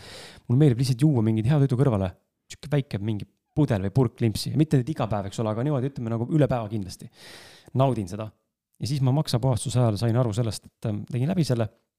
täna üldse, üldse ei ole isu enam juua neid asju juua. Äh, ja, ja tegelikult see on taga on emotsioon ja mina sain aru sellest, et mul lapsepõlves oli kogu aeg isa, kes tõi koju vahepeal vahelduva eduga neid kaheliitriseid Coca-Cola või Sprite'i pudeleid ja kogu aeg võtsin samamoodi. et jõin õhtul isaga koos Coca-Colat näiteks klaasist, vaatasime televiisorit ja sõime mingit krõpsu. see on sealt tulnud. ma täidan mingit emotsiooni, mis on seotud mu isaga. mina näiteks tänasel päeval äh, tean seda, et äh, äh, kui me räägime sellel teemal, siis see on nii nagu naljakas, mul tuli praegu ärkamise moment, miks mul on sõltuvus täiesti vahepeal kartulikrõpsudest. Ja see ongi sellepärast, et äh, lapsepõlves mul suved olid üksikud, vanemad käisid tööl. Vanaisa oli ainukene, kellel vahepeal oli aega. Ja siis äh, ta, ma helistasin, mul tasus ainult üks kõne teha, vaata, vanaisa oli kahe selle, selle suure selle gigapäkiga mul nagu kuradi ukse taga onju, tõi mulle krõpsu. jälle istud teleka ees, nommid seal onju, aga tegelikult mida ma peitsin üksindust. Mm -hmm. just, emotsiooni ja tunnet. ja see ongi ka, ma arvan, väga suur, noh, sealt muidugi toimus, tulidki need kehakaaluprobleemid, eks ju, noh, edasi kõik see muu hormonaalne ja kõik nii edasi. nii et äh, tänasel päeval äh, problem solved ja lähme siit nüüd edasi aga vaata USA inimesi, kuhu maani tema, nemad nagu enda emotsioone nii-öelda tapavad no, toiduga. kirstuni. jõhker kui palju seal on nagu enda sisemaailmaga tegemata tööd. ja seal võib olla muid asju ka, aga ongi mm -hmm. lõpuks juba füüsilised haigused, mis on jõudnud selline välja, et ma ei saagi olla teistmoodi, pean süstima ennast, eks ole, või midagi, midagi muud tegema, aga alati on mingi tuumik ja see tuumik tuleks üles leida, aga -hmm. seda ei ole lihtne teha no, üksinda. näiteks äh, kui me natukene nagu suuname siit teemat edasi veel, sellel samal teemal, aga natuke teise nurga alt, raha on ka ju väga suur kompleks inimestel, ühte või teistpidi olete te tähele pannud? kindlasti me korvame sellega midagi. korvame kogu aeg midagi rahaga, on ju, mhm. selle asemel, et aru saada, et noh, et õnnelikku elu on ju võimalik elada, aga sulle antakse alati tegelikult nii palju, kui sul vaja on. kui sa usaldad yeah.. just, kui sa usaldad, antakse loomulikult, aga inimesed ei usu seda, kui sa usaldad. et äh, ma olen nagu täitsa nõus et kui sa näiteks, äh, mul on olnud elus väga palju selliseid momente, ma mõtlesin, ma küsin sinu käest, et kas sul on ka olnud selliseid ahhaa-momente, kus äh, sul on äh, teadmine et sa paned silmad kinni, sa kujutad seda asja enda ees ette, et mida sa tahad nagu saada, hirmsasti tahad, unistad. Öeldakse ju vaata, et unista suurelt ja sulle antakse, on ju. Mhm. ja põhimõtteliselt äh, sul ei ole mitte ühtegi vahendit selle saavutamiseks, sul ei ole äh, kogemust, sul ei ole mitte midagi, sa tead lihtsalt, et sa tahad vot sinna jõuda või seda saavutada või seda saada. olgu see siis asi või mingi muu, muu nagu tegevus äh, ja siis järgmisel hetkel hops, tuleb sul telefonikõne ja öeldakse, kuule, meil on sulle selline pakkumine no meie podcast samamoodi ju. kuule, Kris Kala on siin õue peal, tõi mulle mingid raamatud, noh, see, see ei ole nagu niisama. nagunii see podcast'i mõte oli juba aasta otsa olnud mõtlesin, no nüüd tuleb siit nagu kinni võtta, ta, ta tuli siia. elab, elab siinsamas sul. jah, ja kurat, elab Väätsal ka veel ma ei teadnud enne kui ma selle su küsimuse vastuse juurde tulen, ma lõpetan äh, hästi kiiresti selle siis ära, et ja, äh, neljas punkt, äh, mida ma naise juures hindan, on oma kirg ja enda tee on ju, sul peab olema, sul võiks olla enda nagu mingisugune hobi või enda kirg, enda passion, mis sulle pakub seda rahuldust ja emotsionaalset tasakaalu ja õnnetunnet, et ma näen nagu läbi oma elukaaslase, kuidas tema, kui ta on aiakujundaja, hooaeg väga pikalt olnud peal, eks ole, professionaalne kujundaja või ta teeb täna mingeid oma muid asju, ma näen, et ta nagu naudib oma tegevust totaalselt ja see nagu maandab teda, see on kuidagi teistmoodi, on õnnelik, kui ta seal on ta on nagu hoopis teine inimene, kui ta sellega tegeleb, et see on see, mida ma nagu hindan väga. Ja sealt läbi tuleb see enesekindlus tegelikult, eks ole ju, sest sa vaatad teda toimetamas, sa saad aru, et ta teeb midagi, millest ta teab nagu, et just, ta teeb seda, on ju, ja ta teeb seda hästi. just, absoluutselt. ja, ja julgus olla tema ise on number kuus, mida välja tooksin siit või noh, kuus, viis, viies, viies punkt on jah, et julgus olla ise et äh, ei pea ennast nagu, noh, see on natukene kokku selle aususe ja, ja filtrite olemisega, aga just nimelt julgus olla sina ise. tohutult kardame teist inimest hukkamõistu Mm, nagu me oleme siin varem rääkinud juba ka, siis kahjuks see nii on, rohkem või vähem määral, aga, aga julgus olla sina ise on see, mis äh, minu meelest naise puhul on ka hästi-hästi nagu kihvt ja hästi nagu austav. tahan küsida, et millal sinul tekkis see, et sa julgesid olla sina ise alati, kas see on alati sul niimoodi olnud või see on kusagilt tulnud nüüd millegi käigus? et sind ei koti teiste arvamust, teed oma asja ja tead, et sa oled selles hea ja ei huvita, mis ümberringi käib? ma ei tea, kust, ma, ma, ma ütlen, ma ütlen niimoodi, et ma arvan, et see on olnud sees mm. -hmm. aga ma olen seda võimendanud, sest okay. ma olen märganud, et kui ma teadlikult seda asja teen äh, ja ennast usaldan, no matter what, siis tulemus on alati tegelikult hea. et äh, ma olen õppinud nagu usaldama ennast ja siinkohal tuleb mängu intuitsiooni kuulamine, eks ole, ja sisetunde kuulamine, kõhutunde kuulamine. ja, ja kui sa seda tegema hakkad, siis sa näed, et tegelikult asjad äh, teinekord väga paljuski osakaalust tulevad täpselt nii, nagu tegelikult sa oled ette näinud või soovinud, on ju, et äh, enda usaldamine on tekitanud seda enesekindlust ja seda, et ma ei pea laskma teistel inimestel ennast mõjutada, sellepärast et ma olen saanud kogemuse kätte, kui ma kuulan teist inimest ja lähen vastu enda sisetundega, siis paratamatult tulemus on ka kehvem. ja, ja sa küsisid mu käest, mis on turn-off, siis äh, ma olen siin äh, välja valinud niisuguse termini nagu ebatervislik eluviis äh,. on kindlasti minu jaoks turn-off äh,, ma ise olen väga health conscious või terviseteadlik inimene arenenud ruumil alati. aga, aga see on üks asi, alkohol ja suits minu jaoks on täitsa nagu no-brainer error, lihtsalt mulle ei sobi, see ei ole minu maailm ja ma ei ole kunagi suitsu proovinud ja alkoholi olen korra elus purjus olnud. selleks, et näha, mis tunne see on ja mulle sellest piisas, et noh, mul ei ole seda rohkem vaja. et seda ma nagu, ma ei ütle, ma ei tolereeri, inimesed võivad seda teha, aga see ei kuulu minu pilti, mul ei lihtsalt, ma ei saa sellest aru, miks seda vaja on ja litsakus, see kõlab küll väga vastikult, eks ole, et sa oled lits, et sa magad erinevate inimestega, ma ei pea seda silmas. ma pean silmas litsakust, et sa oled võib-olla liiga avatud, liiga flirtiv äh, oma suhtlemises. et see on nii meeste kui naiste puhul omadus, mida mõnes mõttes on hea omada ja see on mõnes mõttes okei okay,, kui seda neutra-, neutraalselt vaadelda, see ei ole nagu halb. aga mulle isiklikult ei meeldi, kui inimene on liiga flirtiv kuidagi nagu tajun, et mina ise ei ole selline, sellepärast ma seda väga nagu ei oska nagu austada ega hinnata sellisena. et kui minu vastu keegi on ka flirtinud, tavaliselt ütlen ka, kuule, et äh, sorry, aga mul nagu ei sobi eriti sellise. päris väike koorm nagu naisele. kas see, nagu see flirtimine võib ka olla sinu mõistes selline emotsioon seal taga, et äh, sellega kaasnevad alati mingid mängud? no jaa, ja seal on üldse nagu mingid puudutused ja selline ihih-ahahah ja kuidagi nagu selline, sa näed ära, et nagu inimene noh, ta ta teeb seda ikkagi mingisuguse tagamõttega, kas alateadlik või teadlik, on ju, ma näen ära, et tegelikult, eriti kui ta on suhtes, siis mul tekib küsimus nagu, et miks sa niimoodi nagu kuidas, kuidas su enda partner sellesse suhtub, kui sa sellisel viisil nagu teiste inimestega räägid? mulle tundub ka, et see näitab selle flirtiva naise võib-olla ebakindlust tegelikult, korvab ka midagi sellega no,. seal on mingi vajadus võib-olla samamoodi, tähelepanu on ju, kodus ei saa võib-olla või äh, tähelepanu siis mitte, ma ei mõelnud seda, et ei saa keppi või midagi muud, lihtsalt tähelepanu ei saa. võib-olla ka seda mitte. võib-olla ka seda jah. et noh, seal võib olla palju asju, ma ei tea, ma ei ole ka psühholoog ega mingi terapeut, aga lihtsalt ma näen, et see mulle absoluutselt ei sobi, on ju. ja, ja keerutamine ja vassimine on see, mida ma jälestan et kui inimene, ma näen ära inimese pealt, tekib tunne, ma näen ära, et no ta lihtsalt, ta on lihtsalt maskiga, ta ei, ta ei räägi, ta ei näita mulle ennast, ta keerutab jutt, on mingisugune ümmargune, eks ole, poliitiku jutt nii-öelda mm. -hmm. Jüri Ratase jutt. ma ei viitsi lihtsalt, no mul ei ole vaja sihukest asja, ma tahan, ma tahan, et sa oleksid nagu, räägi nii, nagu asjad on, ära, ära keeruta, see tekitab tohutult sellise tunde, et sa varjad midagi. võib-olla see on minu maailmavaade ainult, on ju, ja ilmselt ongi mõni ütleb, et see keerutamine, vassimine just äge mänguline, eks ole, lisab vürtsi juurde. minul ei sobi, see on inimesed erinevad. mulle ka ei sobi näiteks. aga vaata, siit tuleb, siit tuleb see ka välja, et mehed juba hindavad naistes ka hoopis teisi, hoopis teisi neid äh, isikuomadusi. muidu oli ikka see, et läksid kluppi ja keegi flirtis ja ma ei tea, seal tegi mingeid mänge ja asju, aga täna see nagu teadlikku meest, see, see ei toida enam. ja kas te panite tähele, et ma ei äh,, ei toonud välja omadusena seda, et naine oleks ilus? jah, panin tähele küll, jah mis ei ole see, et ma nüüd seda ei hindaks, kui naine ilus. oluline on loomulikult no aga see ilufilter on ju ka nii erinev. see on subjektiivne loomulikult on ju, et aga, aga nais-, mingisugune välimune, ütleme ilu ja selline tõmme loomulikult peab olema. muidu noh, muidu ei ole seda seksuaalset seksapiili nii-öelda enda mm -hmm. või ei ole seda seksuaalne tõmmet nii-öelda aga see ei ole kindlasti põhiasi, et ta peab olema suurte tissidega ja suure kanniga, see või nagu trimmi, trimmis kanniga või no see ei ole nagu, see ei ole see argument. jah, ma mehena neid vaatan loomulikult, aga ma ei jää sellesse kinni, mind huvitab see sisu.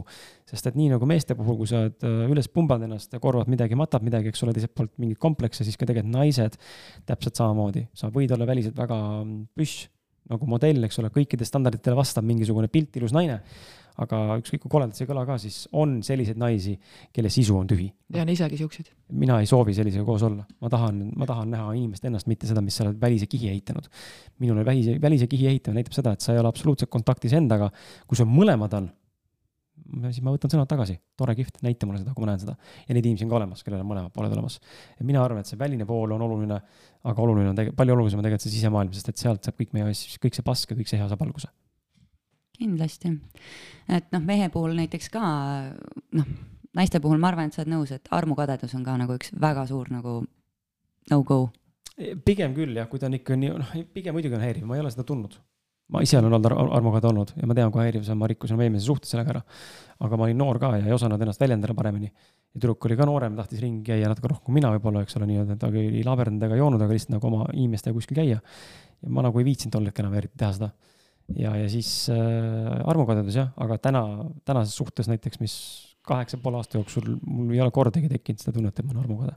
või temal kuidagi on, seda ei selle ole. taga peab olema mingi räige nagu see hästi Ei, next mina- level äh, usaldus. näiteks Hirm- ütlen ausalt, et äh, äh, mina olen olnud ja ma arvan, et vahest see lööb mul ikkagi välja veel, vaata, ma teen sellega nagu hoolega tööd, et äh, see armukadedus on nagu nii vastik, nagu see on esiteks endale piinav emotsioon see on väga kurnav. väga kurnav ja, ja meesterahvana nagu ka, et äh, kui hakkavad mingisugused siuksed nagu, nagu kommentaarid pihta onju, kus sa ikka käid ja mis sa ikka teed ja siis lõpuks on nagu see, et nagu mis sul viga on, vaata, et ma ei ole nagu, ma ei ole mitte midagi halvasti teinud, vaata sealt tekib see süüdistamise foon taha onju ja juba nagu lumepall läheb veerema. ja viimaste aastate jooksul ongi nagu see, et miks see armukadedus tundub nii labane asi minu jaoks on see, et ma ise olen hästi palju hakanud sügavust samamoodi otsima inimestes, seda sisu sind ei huvitagi see, et noh, et, et on suured musklid ja ilus nägu ja tore on ju, väga tore, aga kus su sisu on, et ja kui sa siis käid ja veel nagu teed kommentaare, et noh, et kus sa ikka oled ja kus sa ikka käid ja noh, ma ei, ma ei räägi siin nagu antud juhul enda, enda nagu äh, kodust, aga, aga nagu selles mõttes, et see on, see on, see on inetu. mm. -hmm. mulle tundub, et kui mina olen armukade, siis minul on mingi probleem.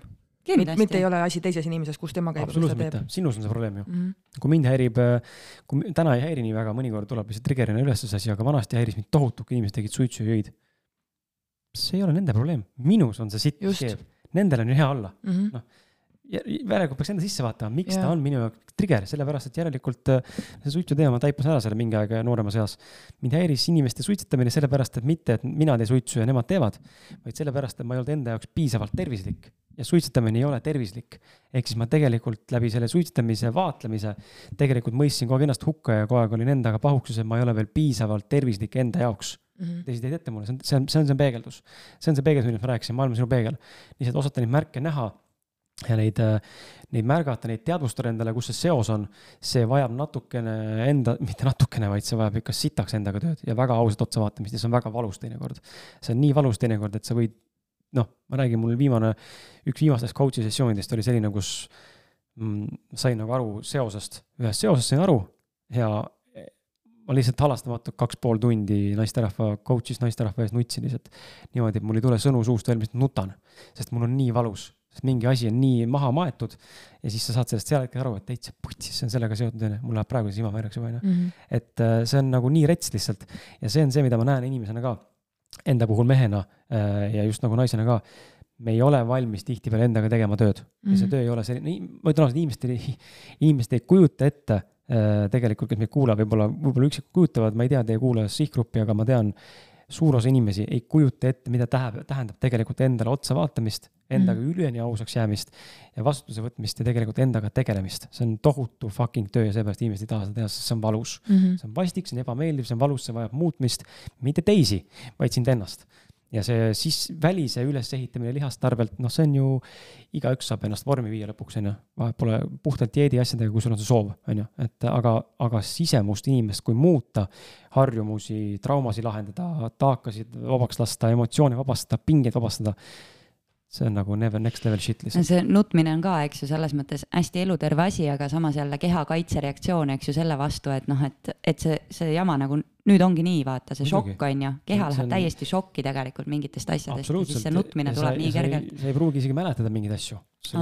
Alla surutud, blokeeritud uksed, mida sa ei mäleta, noh, et mul on hea näide sõbranna, kes on Ameerika üks kirjanik ja, ja, ja mul podcast'is käinud ka, tema näiteks seda vägistati noore, väiksena, nelja-aastasena umbes, kasuisa poolt. karm teema, eks ole, aga ta mäletas, ta ei mäletanud seda, tal tuli see meelde alles kolmekümne aastasena teraapias. noh, me keha sulgeb niimoodi siukseid kogemusi. Ja see on tegelikult päris süür ja meie sees on siukest sitta ikka väga palju, mida me tegelikult ei näe, sest me oleme selle sulgenud, ära matnud. just äh, nagu, just enda nagu lähitutvusringkonnas äh, meesterahvaste puhul näen ka, sa näed nagu, et nad on mingis selles jubedas kohas omadega, aga neil puudub absoluutselt igasugune jõud see hakata nii-öelda seda kärna lahti nokkima, siis kui sa sealt juba ääre lahti teed, siis noh, sa pead nagu lõpuni selle ära nokkima, sa ei saa natukene teha ja nad nii kardavad seda teekonda, et äh, sitta, paneme samamoodi edasi, paneme algsi, vaatame kõik maha peaasi, et ei peaks tegelema selle jamaga, mis tuleb lapsepõlvest, teistest nagu eelmistest põlvkondadest, et ärme tegele. ei, mul on hästi kõik, mul on kõik korras, paneme tina, uputame ennast töösse siis vaatad nagu, minul on selles mõttes nagu raske vaadata enda nagu siukseid pereliikmeid või lähedasi kõrvalt, sest äh, ma näen tegelikult, kui raske neil on, aga ma saan ka aru, et ma ei saa neid aidata. see on, see on teie pask. inim-, kui inimene ei ole valmis äh, endaga tegelema, siis sa võid talle ükskõik missugused teooriad mm -hmm., teooriad, raamatud, koolitused ette viia, ta ei võta seda vastu, sest et ta ei soovi sellega tegeleda yeah.. kedagi ei saa sundida ega suruda, inimesel peab endal tekkima see huvi või nagu Tiit äh, Trofimov, kes on tegelikult väga hea selles mõttes emotsioonide ja selliste asjade vabastaja, ütleb ise ka, et inimestel tekib meeleheide ja ma olen näinud seda elus samamoodi, sul peab tekkima see meeleheide, et vot siit maalt ma fucking enam edasi endaga elada ei saa. nii paha on olla. nii paha on olla, et noh, ju siis, kui sa oled ikkagi edasi selline, nagu sa oled, järelikult sul ei ole veel piisavalt mm -hmm. paha noh, siis see piir ei ole käes. jah, sellest me just eelmine kord rääkisime, et ennem mm -hmm. peab ikka väga, väga kehva hakkama, et, et endale üldse otsa julged või tahad mm -hmm. vaadata mm. -hmm. see on jah, karm, see on karm oota, aga kus meil nüüd see viimane küsimus jäi oh,? tervi-, me rääkisime tervislikkusest või tervisest, ma tahan äh, küsida selle, sa oled vegan, on ju äh,? ei ole. ei ole vegan?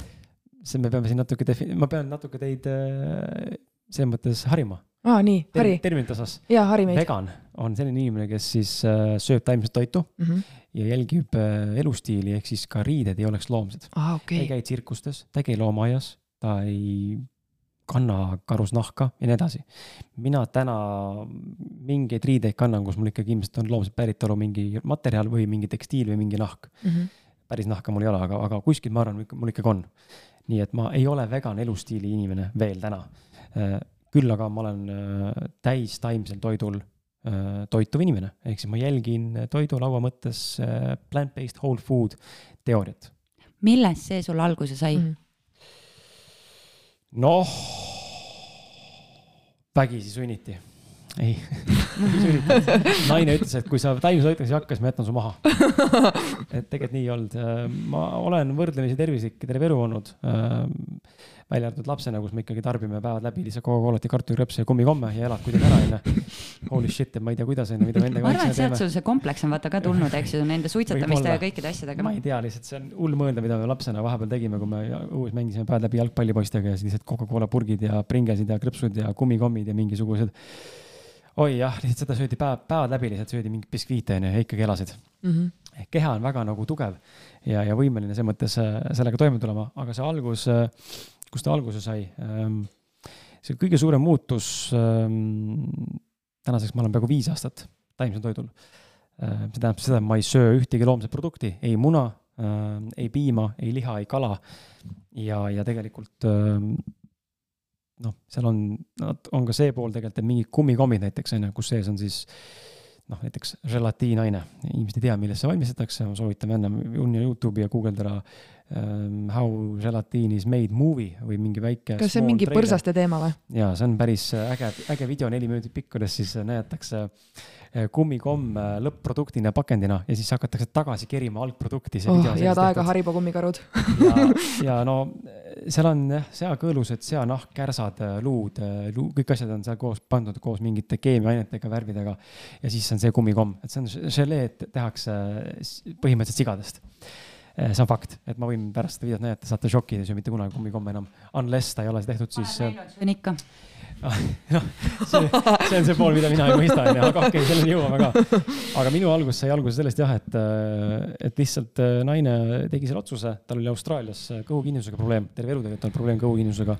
Ja siis me avastasime, et kui ta hakkab hommikuti sööma taimset äh, puuvilja või smuutisid, siis kõht käib paremini läbi ja, ja siis see tema lahendus, muutusime tervislikumaks ja, ja mingi hetk hakkasime ennast harima, vaatasime mingeid filme, tundsime ise tahame olla tervislikumad, Austraalias hakkasime vahetama tavalist lihapiima taimse piima vastu, siis juba mingit äh, punast liha võtsime kanaliha asemel, siis ma ei tea, mingi tavaline kana hakkliha, vahetasime kalkuni hakkliha vastu, eks ole, läksime kohe nagu tervislikumaks. Step by step step by step nagu paremuse poole enda valikute mõttes on ju, olime ikka veel loomsed, siis me loomseid produkte sõime, sõime rohkem köögivilju, rohkem juuvilju, ma tegin kõvasti trenni, saavutasin elu parima vormi on ju. et kõik oli tipp-topp. ja siis koju tulles Eestis siis naine tundis, et ta tahab olla taimetoitlane või loomse mitte üldse süüa, sest et tal ei, teda kotiliha ega mingi muu, siis ta väga nagu ei ahvatle. ja pole nagu seda ihu, isu, isu ka ja isu on jälle seotud mingi asjaga, see ei ole Jep. nii, mulle maitseb, sulle ei maitse liha, sulle maitseb see liha, millega sa maitsed seda liha. et see on nagu nii vale minu jaoks, kui inimesed ütlevad mulle, et aga mulle maitseb süüa liha. Äh, aga siis söö seda verist käkki, näita mulle, kuidas see maitseb sulle. noh, ma sügavalt kahtlen, et see sulle toorena maitseb, sa ju Kusjuures sa ju maitsed teda ma söön marinaadis. toorest Mina- mina ka. okei, no vot, siis maitseb, aga minule ei maitseks, enamik inimesed ikkagi maitsevad sellepärast, et ta maitsestab seda marinaadiga väga hästi, Mhm. onju. meil tegelikult meeldivad maitseained, mis sees on. erandkorras teie, kes sööte, siis võib-olla tõesti teile maitsebki see liha maitseb, maybe, ma ei tea, onju. ja siis äh, tema oli teinud see otsuse, et tahab olla, mina tulin kaasa mingi mahus, mul jäi veel sisse muna ja piimatooted ähm, ja kuidagi neid tarbisin ja siis mingi hetk ma tundsin, et mind ajas nagu see muna öökima hommikul, ma sõin mingi kümme munavalge lihtsalt hommikul. mind ajas nagu oksele, tekkis see refleks, et nagu enam ei suuda nagu ausalt, ma hakkan, ma hakkan just oksele, minge pekki, no ma ei taha enam lihtsalt. ma tahan vaheldust, proovin midagi muud vahelduseks, lihtsalt korraks proovin vaheldust, et söön nagu teisi taimseid proteiine. ja siis ma vaatasin muidugi mingeid filme otsa, eks ole, Cowspiracy't ja Health, What the Health ja mingisuguseid muid filme otsa veel. ja, ja need muidugi andsid tõuke mulle, aga mitte viimast onju, mul ikkagi jäi kohupiim sisse veel ja mingid kohupiimajogurtid ja mingid asjad sisse jäid. kuigi taimne variant, variant oli juba olemas, aga ikkagi jäid harjumuspäraselt. ja siis ma mäletan, ühe päeva olime kodus seal Väätsal, tellisime pitsakeskus pitsat. siis veel ei saanud võtta taimset pitsat taimse juustuga, vaid pidi võtma siis kas loomse juustuga või mitte juustuga. ja me tellisime pitsa siis niimoodi, et pool pitsat on mulle juustuga ja pool naisele ilma onju, sest tema ei tahtnud, mina veel sõin juustu ja piimatooteid. ja siis ma tellisin kogu aeg terve pitsa juustuga ja me hakkasime seda õgima mõlemad ja tema ka. ja siis poole söömise ajalt avastab, et oota, see ei ole ju juustuta. ja ta hakkas nutma.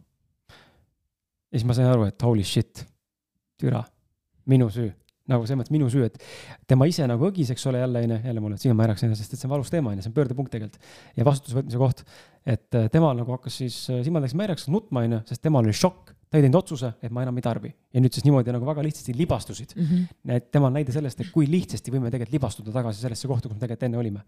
ja mina siis selle poolt oli see vastuse koht, et äh, kui mina ei oleks tellinud seda pitsat juustuga ja oleks olnud nõus temaga koos olema taimetoitlane ilma juustuta, siis ei oleks seda juhtunud. ja see oli see otsus, kus ma otsustasin, et kõik, mulle aitab. milline empaatia. viskasin asjad kapist minema, sest ma tahan koos areneda, ma tahan oma naist toetada, onju. mul ei ole raske jätta see asi ära, sest minu jaoks ei ole see eluvajalik asi, see aine. Ja sealt siis sai teekond alguse ja tänaseks me oleme liikunud selles suunas viis aastat, eks ole, kogu aeg nagu targemaks saanud. ja, ja kogu aeg ennast harinud, täna ma olen nagu jõudnud selleni, et ähm, plant-based whole food'i mõte põhimõtteliselt on siis see, et äh, me ei lõhu toitu. ma ei söö eraldi õlisid, väga harva, kui ma panen mingit asja kookosõliga, aga üldiselt me ei söö õlisid äh, ma söön täis taimset toitu, ehk siis eraldamine tähendab seda, et kui ma söön õli, siis see õli on ju millestki eraldatud, on ju näiteks avokaadoõli või oliiviõli. ta on eraldatud, kuidagi ekstraktitud sellest asjast välja, nüüd ta on eraldi produkt, milles on juba teatud toitained puudu, sest et sa oled eem- eemaldanud oma algsest koostisainest ja oma kesksest. toit ise oma algses vormis on täielik nagu full version, ta on kõik Mhm. asjad olemas, mikro, makrotoitained, mineraalid, vitamiinid, ta on äh, full compact äh, deal oma toiduainena eraldiseisvana, kui sa hakkad talle eraldama, siis sa kaotad ka nii-öelda eralda, eraldamise käigus kaotad ka nii-öelda nagu toitaine või mõjusid. ja sama on ka näiteks selle puhul, kui sa hakkad aretama sorte. kultuurmustikad näiteks on kõvasti palju toitaine vaesemad ja mitte kahjulikumad, aga toitaine vaesemad, kui on metsmustikad. esiteks nad pole, nad esiteks ei määri, neil pole seda, seda pigmenti enam sees ja seda antioksidanti kogust. jah, nad on suuremad, nad on kasulikud, aga ta ei ole enam sama, sest et ta on aretatud versioon, aretuse käigus alati midagi kaob. seda tegi selgeks mu elukaaslane, kes on siis taimemaailmas kokku puutunud aretamiste asjadega. alati sa kaotab ära midagi, mingi omaduse, kui sa aretad sorti ja, ja taimetoitis ongi see, et sa sööd täistaimset toitu, ma tahan süüa õli, noh siis ma söön pähkleid, ma söön avokaadot, ma söön siis seda oliivi. et ma ei, nagu ei pea eraldama, sest ma saan kõik kätte ja tänaseks ma olen, oleme liikumas siis, see on nüüd natuke keeruline teema, endaga nagu aru, lõpuni raske aru saada, aga oleme liikumas siis sellisesse suunas nagu nutritarian diet, mis eesti keeles on siis nii nagu, nagu toitaine dieet või nagu toitaine rikas dieet. ja seal siis ei ole ei suhkurt, ei soola ega ei õli ja kõik toidud on sisuliselt oma algse maitsetega nagu ni- nii-öelda nagu mitte küll magedad, aga kui toidu ära teed ja väga hullusti ei pane nagu soola, suhkurt, pipart ega õli ega mingeid asju juurde, siis tegelikult toiduained ennast tekivad, tegelikult on oma maitsed ja on väga maitsev, et me liigume selles suunas, see on next level puhtam versioon minu jaoks. aga seda implementeerida täna on veel tiba keeruline. sool on endiselt menüüs natukene mitte küll lauasool, aga siis Himalaia sool, eks ole, mõni muu sool, mingi kelti või mingi muu sool, mis inimesed kasutavad või must sool või aga et ma kogu aeg näen, et on arenemiskohti ja ma kogu aeg tahan liikuda edasi selles suunas, mul on huvi. ma tahan näha, kas päriselt toit on võimeline mind viima, ma ei tea, saja viiekümne eluaastani. ma arvan, et on, sest ma olen võrdlemisi tervislik inimene. ma tahan näha, mis tulemus on. ja selles mõttes ma olen sinuga nagu selle koha pealt väga nõus, mul on küll noh, kõvasti teed veel käia, sest ma kasutan äh, nii õli kui ka vahest ikka söön neid kummikomme, eks ole ju. aga proovi lihtsalt, see on ebamugav alguses. harjutada mitte praadida näiteks õliga, veega. Tekib siuke tunne, et nagu noh, sa tahad automaatselt panna, no, mul ka. ma suudan need pannid kõik ju põhja kõrvetada. siis on äh, head pann, siis on head panni vaja, mis ei võta kinni ja no see on see kivi, kivipannid ja mis seal on, eks ju, mis ja. ei, ei võta kinni. aga noh, see selleks, aga selles mõttes, et äh, see toidu teema, see on, paneb mul ka alati nagu silmad põlema, sellepärast et vaata, minu teekond sai ka alguse selle koha pealt aastast kaks tuhat kaheksateist, eks ju. kui ma läksin siis oma tervisenõustaja juurde, kui ma läksin sinna hoopis oma emotsioonidega, on ju, depressiooni, ärevushäirete ja nende asjadega. ja siis, äh, kui palju ma olen tegelikult oma menüüd alguses nagu päevapealt pidanud muutma ja tänasel päeval on nii, et äh, kaks kolmandikku ajast ma toitun tegelikult äh, noh, põhimõtteliselt väga sarnaselt sinu põhimõtetele. mul on taim, ainult taimsed piimad, mul on äh, noh, isegi mul on kaer, nisu ja oder ja need kõik teraviljad nagu menüüst väljas, eks ju, mul on talumatus lihtsalt, ma ei saa neid süüa. aga, ja, ja mul on see juustupitsa näide oli nii hea, sellepärast et äh, mul on täpselt see, et kui ma siis aeg-ajalt libastun ja söön midagi sellist, mida ei peaks, mida ma ei tohiks tegelikult teha oma kehale, siis ma olen järgmine päev, ma olen täis fuuria esiteks on ju see toit, vaata, mõjub äh, sinu äh, tegelikult ajusünapsitele väga halvasti. mida sa, mida su keha ei tolereeri, su keha on šokis tegelikult kõigest sellest. ja siis emotsionaalne pool ka veel, need süümekad on ju iseenda ees. et äh, ma ise nagu mingi hetk küsisin, et millal ma selle nagu ära lõpetan, et miks ma üldse teen seda. mida ma korvan, vaata, täpselt samamoodi, mida ma korvan tegelikult nende asjadega, miks ma teen endale nii, et sa oled iseenda vaenlane tegelikult et selles mõttes ma saan nagu sellest toiduteemast väga hästi aru ja, ja see on hea point, et äh, proovi nagu edasi minna, on ju, et äh, ma peaks ka proovima, viimasel ajal mul on tekkinud näiteks see äh, tahtmine, et mina olen läinud siis tavalise hakkliha pealt nagu kana hakkliha peale mhm. just ja ma tunnen, ma ei suuda enam seda sealiha ja seda nagu nii raske on seda süüa, et noh, ma sõin eile nagu ähm, õhtul peekoniviilu ära. ja no nii kräpp oli noh, pärast see rasvast nõretav, see peekoniviil siis sa mõtled, jumal küll, et miks ma, miks ma teen neid asju, noh. ja ma siiamaale ei ole nagu veel sada protsenti nagu selle, ilmselgelt selle vastuseni jõudnud, kui ma ikka veel jätkan seda teekonda. aga ma olen nagu väga nõus selle põhimõttega, et noh, küll võib-olla minu jaoks mõningad asjad, mida teie teete, tundub veel natukene ekstreem. kuigi noh, vaata juust ja piimatooted on minu menüüst ammu väljas. Äh, mul ongi põhimõtteliselt liha ja taimetoit, kõik ja täpselt samamoodi, mul on mandlipiim, mul on äh, kookospiim, mul on smuutid. Ja ütlen ausalt, et äh, see on ka nagu äge, et kui sa vaatad nagu, mida sa kodus nagu siis pakud oma perele. Ja, ja kui ma hakkasin nagu nende põhimõtete järgi, noh, kõik, kõikide küsimus, ma ei tea, kuidas sinuga on, on esimene on ju see, et issand jumal, mida te siis nagu üldse sööte, on ju. tegelikult sa sööd esiteks väga palju kvaliteetsemalt kui sa jätad kõik need asjad nagu välja sealt nagu soja, mis on, on ju GMO toit üldse. sõltub sojast, soja. sõltub ja no. kui ta on GMO vaba, siis on teine asi. jah, no. tofu on okei okay süüa, kui see on GMO vaba. jah, aga noh, ütleme niimoodi, et näiteks mul on soja üldse väljas ja ma käin nagu äh, sealt äh, lugemas äh, neid silte ikka, mul läheb poes ikka aega vahest, et äh, ja siis äh, kui lähen kuskile külla, siis alati kõikidel on miskipärast nagu ma naeran, tekkinud juba see kompleks, et oh, Liis-Anne tuleb külla, mida me siis nagu süüa teeme ja siis hakkab see pihta, ma ütlesin, et teie sööge, mida te soovite süüa. et küll ma kohandun siis, sest äh, tegelikult on see, et sa saad aru, et sa ei taha nagu teistele peale seda suruda. aga samal ajal hästi paljud sõbrannad on kuidagi nagu kaasa tulnud ja kodus on ka nagu väga palju tegelikult äh, toetust sellega, et äh,, et kui ma ütlen nagu mehele, et kuule, ole hea, too mulle palun mandlipiima, on ju, siis mõni aasta tagasi ta oleks öelnud, mine osta ise oma mandlipiima, on ju et äh, siis tänasel päeval ta küsib, kuule, millist sa siit nagu rivist nagu soovid, on ju, et sa saad aru, et see vaikne nagu tagasi või noh, nagu järgi tulemine tuleb kogu aeg. et vaata, sinul oli nagu see, et äh, sinu äh, kaaslane nagu läks ees ja sina tulid järgi, siis meil on nagu pisut nagu selle koha pealt vastupidi. noh, täna hommikul näiteks äh, olid kaera pannkoogid, on ju, väga tore, tervitatav, et noh, selles mõttes lõbus, tore, et äh, isa teeb lastele kaera pannkooke see, siin on nagu suur noh, esiteks on seal see pool ka, et ma kindlasti olen see taimetoitlane, kes äh, ütleb inimestele ka, et kõik ei pea olema taimetoitlased. Äh, üks dieet kõigile ei sobi. ma olen no hakanud aru, täna aru saama sellest, et üks dieet kõigile ei sobi, kuigi kõige suuremad teaduspõhised uuringud näitavad, et taimetoit on võimeline põhimõtteliselt pöörama ükskõik missuguse haiguse ümber pikapeale, siis ma saan aru, et kõik inimestele see ei sobi ja see on okei okay.. küll aga, kui inimesed mõtlevad, küsivad minu käest ka, et aga mis ma siis söön? noh, kallikesed, me kõik sööme päevast päeva taimset toitu jaa. tegelikult üheksakümmend me teeme ju endale toitu. sinna liha kõrvale neid. proteiin kõrval, mis jaa. on tegelikult mitte taimne, et millest sa räägid, et noh.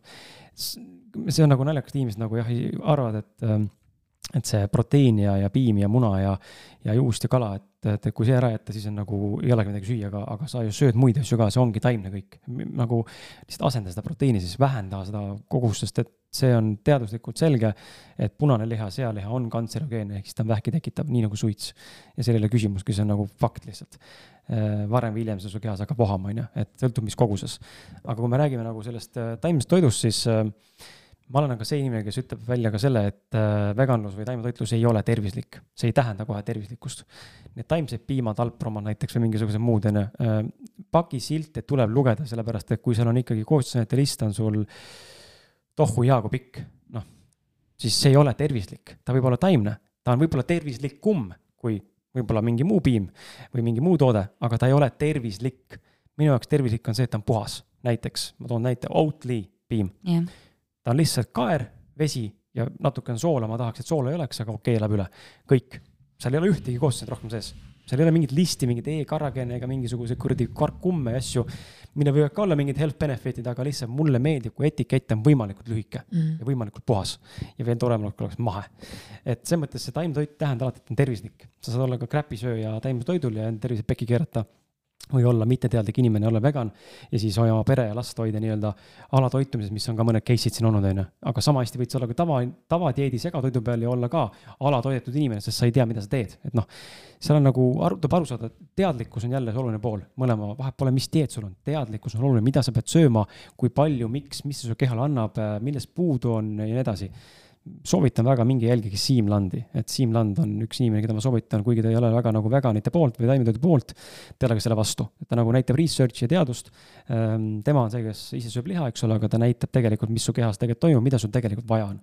et Siim Land on väga hea inimene, keda jälgida, ta teeb küll inglise sisu, aga tasub kuulata, on ju, ja veganarste võime siia kuskile kirjelduse pärast panna, kui tahate jälgida, aga, aga tegelikult see info on olemas, lihtsalt tuleb, lihtsalt tuleb otsida. ja ma arvan, et sa oled sellega nagu äh ka nõus, et äh, inimesed kurnavad toiduga oma keha liigselt üle.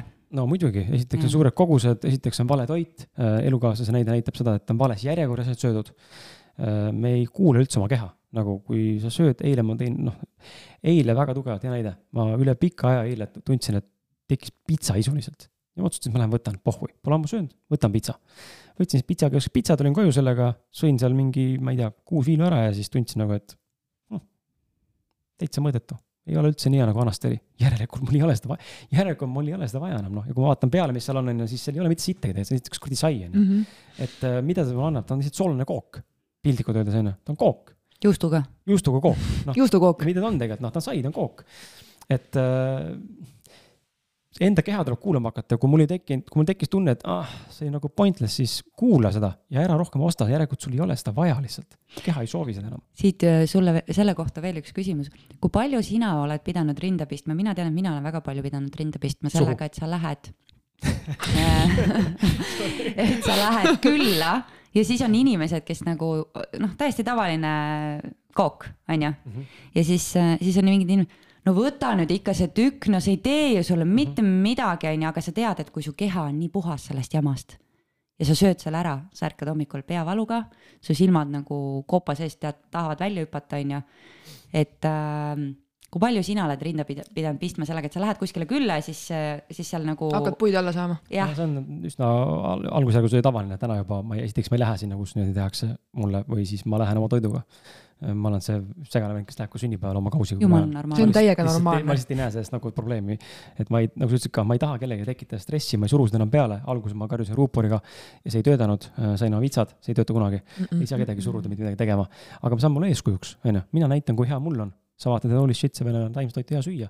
ma tahaks ka proovida, mis värk on, okei okay,, cool, päris maitsev on. et äh, ma teen väga, väga, väga häid toite no pilte oleme näinud jah, eriti siis, kui mul mingi organismi puhastus oli just pooleli, siis Kris vesi voolab. Kris paneb mingi tofu asja, siis mõtlesin nagu, mis asja, ma ei tohi täna süüa. inimesed saaks neid proovida, siis inimesed tegelikult äh,, mitte ainult minu toite, vaid kui hästi tehtud vegan toitu mm, -hmm. siis inimesed saavad aru tegelikult, et holy shit, kui hea see tegelikult on. see on täpselt samasugune toit, see on toit, sa lihtsalt pead seda maitsetama õigesti ja kokku panema mingeid asju. aga seda on päris palju olnud, et äh, mis seal on, siis võta ikka see üks tükk, mis üks teeb sulle, no mm -hmm. üks suits ei tee ka midagi, üks suits iga päev lõpuks on sul kuradi vahk, et mm -hmm. nagu ma lähtun, üritan lähtuda sellest mõttest, et äh, see ka natukene, vahet pole, et ta on natukene kahjulik, ta on ikkagi kahjulik. veel natukene kokaiini. just, tee, natukene või mm -hmm. no võta, võta natuke see väike üks šokolaaditükike, mis see ikka teeb sulle, see on natukene ja see natukene on ka kahjulik mm. -hmm. miks ma pean seda valima, ma, ma teadlikult, mul ei ole see, inimesed tihtipeale arvavad. mul on öeldud ka miks, kuule, aga millal sa vabamalt võtad, sa tundud nii pinges olevat. tundun või? ma, ma, ma naudin, ma naudin oma toitu, mida ma võtan kaasa, eks ole, oma toidu kuskile reisile või asjale. teed, sööd restoranis, ma söön kaugist toitu, onju, ma tean, mu menüüs midagi saada ei ole ma mõtlen ette, siis nad arvavad, et mul on ilgelt raske teha seda. ei, see on nende peegeldus, sest neil endal on raske niimoodi planeerida ja meal, meal prep ida. minul ei ole raske teha, ma naudin seda. ja, ja, ja kohe saad, kohe saad küsida ja siis inimesed ongi, et alati küsivad ka, et kuidas see nagu nii raske on umbes või kuidas sa teed seda. mul ei ole raske, ma naudin seda et ärge palun, ärge pange mulle sõnu suhu. mina kaifin seda, see on minu valik, keegi ei sunni mind, see on see erinevus. Inimesed ei saa ju aru sellest, et keegi ei sunni sind, kuidas see Just. võimalik on, et mitte keegi ei sunni sind ja sa teed seda vabatahtlikult. süüa vabatahtlikult? liha, mis jutt see on, noh. ei no lihtsalt on nii, noh, ei soovi, mind ei huvita, ei, ei köida, noh. Mm.. ma ei näe, ma ei näe, ma ei näe seda health benefit'i enda jaoks, ma ei ütle, et ta ei ole mingis osas vajalik mõne inimese jaoks. jah, ta võib olla sees, aga ma enda elus ei näe seda vajalikkust, lihtsalt ma saan hakkama ilma selleta trenni ka või trennid ta, siin ei ole küsimus enam tänapäeval, see on tõestatud mm. -hmm. noh, vaadake meie enda Gerd Kovitit, kes on jõutõstja, maailma üks tippudest olnud siin omal ajal. täna on ta tre treener, eks ole, kükib kolmsada kilo, eks ole, on ju, noh, ta on taimetoitlane mm. -hmm. palun väga, jumala hea näide. minge vaadake filmi Game Changers, dokumentaal taimetoitlastest, sportlastest, maailma tippudest. Need ei ole mingi suvalised nimed, need on maailma tipud. Serena Williamsid ja kõik muud inimesed kokku, on ju, fucking vormel S Hamilton samamoodi, seal ei ole küsimust enam, saad aru, sa ei pea olema mm, -hmm. see on vale arusaam, et sul ei ole proteiini, sa oled väeti mm. -hmm see, et mina seda juttu räägin ja keegi ütleb mulle, et aga no sa näed välja küll sihuke, et nii, ma ei tee fucking trenni. on. see ei ole mu prioriteet, lõpetame selle jutu ära, kui ma teeks trenni, siis mul oleks ka lihased ja oleks, kõik on, see ei ole võimalik, et sa ei saa taimse toidu lehitada lihast, see on nii vale müüt lihtsalt no üks asi on see, teiseks, kui sa teed trenni, siis äh, sa saad alati võtta vegan proteiinipulbrit no,. mis iganes appi, kui su keha ei omasta, no kõik, see, see on nii müü-, see on nii absurdne, noh, see on nii mõttetud vabandused. mina tahtsin selle koogitüki juurde tulla tagasi, et vaata, kui lähed kuskile sünnale ja ise oled nagu äh, toitud puhtalt ja siis keegi ütleb, kuule võta ikka see üks tükk äh, kooki, et mis see sulle teeb, siis mulle tundub, et nende inimeste taga on kaks asja, miks nad ütlevad nad on kadedad. Nad ei taha iseennast halvasti tunda. Nad on kadedad, sest nemad ei suuda ei öelda sellele koogitükile ja nad ise nagu, kuidas ma ütlen nad on kadedad, on ju, teine mõte mul oli ka. seal võib olla ka see, et nad tunnevad ennast puudutatuna, kui sa ei võta et sul ei kõlba minu toit umbes või? noh, see, on, see on võib-olla kolmas asi ka, aga just see, et mulle tundub, et neil puudub endal see jõud ei öelda. just nimelt see enesekindlus mm -hmm., otsustat-, otsustatavus. et ole minuga ühes paadis, et ära ole must parem, et sööme selle kuradi koogi ära, vaata, pärast on paha olla ja hommikul pea valutab, aga, aga ära ole nagu see, et kes, kellel on nagu seda selgroogu, et ma ütlen ei et noh, ma tahaks ka tegelikult olla, aga mul pole selgroogu, siis ma pean seda kooki sööma. toitumisterapeut äh, Stella ütles selle kohta jube hästi, et äh, tegelikult, kui inimesed agiteerivad sind sööma valet toitu, siis äh, äh, nad tekitavad endale karmavõlga. sellepärast, et nad soovivad sulle halba mm. -hmm ei austa sind. aga nad ei tee seda teadlikult, nad arvavad. ja, ja ei noh, see ei olegi nagu mõeldud nagu kellegi pihta vaata otseselt, aga see oli, see lause jäi mulle kõlama ja see kõlas väga huvitavalt. sest noh, tema seletab ka hästi teaduslikult nagu lahti selle, mismoodi, mis, mis sul kehas nagu toimub, kui sa sööd nagu selliseid asju, mis tekitavad põletikke, mis äh, mis ei ole sinu kehale mõeldud, et noh, tal on nagu selle jaoks, eks ju, aparatuur, mis lausa seda nagu testib sinu keha peal nagu, mis sobib sulle, mis ei sobi sulle, mis on okei. Okay ja kui inimesed ütlevad, et noh, et äh, ma tean nagu väga palju äh, teadusartiklid ütlevad nagu seda, et äh, et millest tekivad toidutalumatused, need tekivad, eks ju, sellest mikroobide puudulikkusest sul nagu seetesüsteemis, et tuleks nagu ensüüme ja, ja neid äh, nagu ergutada, siis selle peale ma ütlen nagu seda, et äh, kui ma rääkisin sellest näiteks Stellaga, siis ta ütles mulle väga selgelt, et äh, kui sul on juba talumatus, siis seda sa ümber ei pööra. kui sul on allergia, siis seda saab ümber pöörata, aga talumatusega sa ei tee enam mitte midagi. et äh, sellest, kui sa paned sinna juurde ensüüme, mikroobe, mida iganes nagu on ju teed, võimled, mitte midagi ei muutu pluss veel see teema, et inimesed väga tihti ei tee vahet toiduallergial ja toidutalumatusel, kaks täiesti Kindlasti erinevat asja. mitte. no kuule, inimesed ei suuda sellalgi vahet teha, kui nad ostavad laktoosivaba toote, siis nad on jube happy'd enda arust, et nad toituvad laktoosivabalt, aru saamata sellest, et kaseiin on, ehk siis äh, üks on piimasuhkur, teine on piimavalk, on ju. Mhm. et äh, see jääb ju ikka sinna sisse, see pole sealt ära ekstraheeritud, et äh, see on, see on seal sees. sa sööd seda, sul võib veidi parem olla sellest, et sa ei saa piimasuhkrut, aga see piimavalgu nagu teema on alati selle laktoosivabade toodete nagu osa. mulle alati meeldib öelda, et eh, lehmapiim on vasikatele. sellega on kõik öeldud. no aga ta tegelikult ongi. jah, mis me nüüd sellest lürbime siis? miks me loomadele ei anna ole neile mõeldud. ta ei saa sealt midagi, ta ei omasta sealt midagi, sest ta organism ei ole kohandatud sealt omastama. mida me lürbime seda kuradi, ma ei tea, lehma täispiima ja.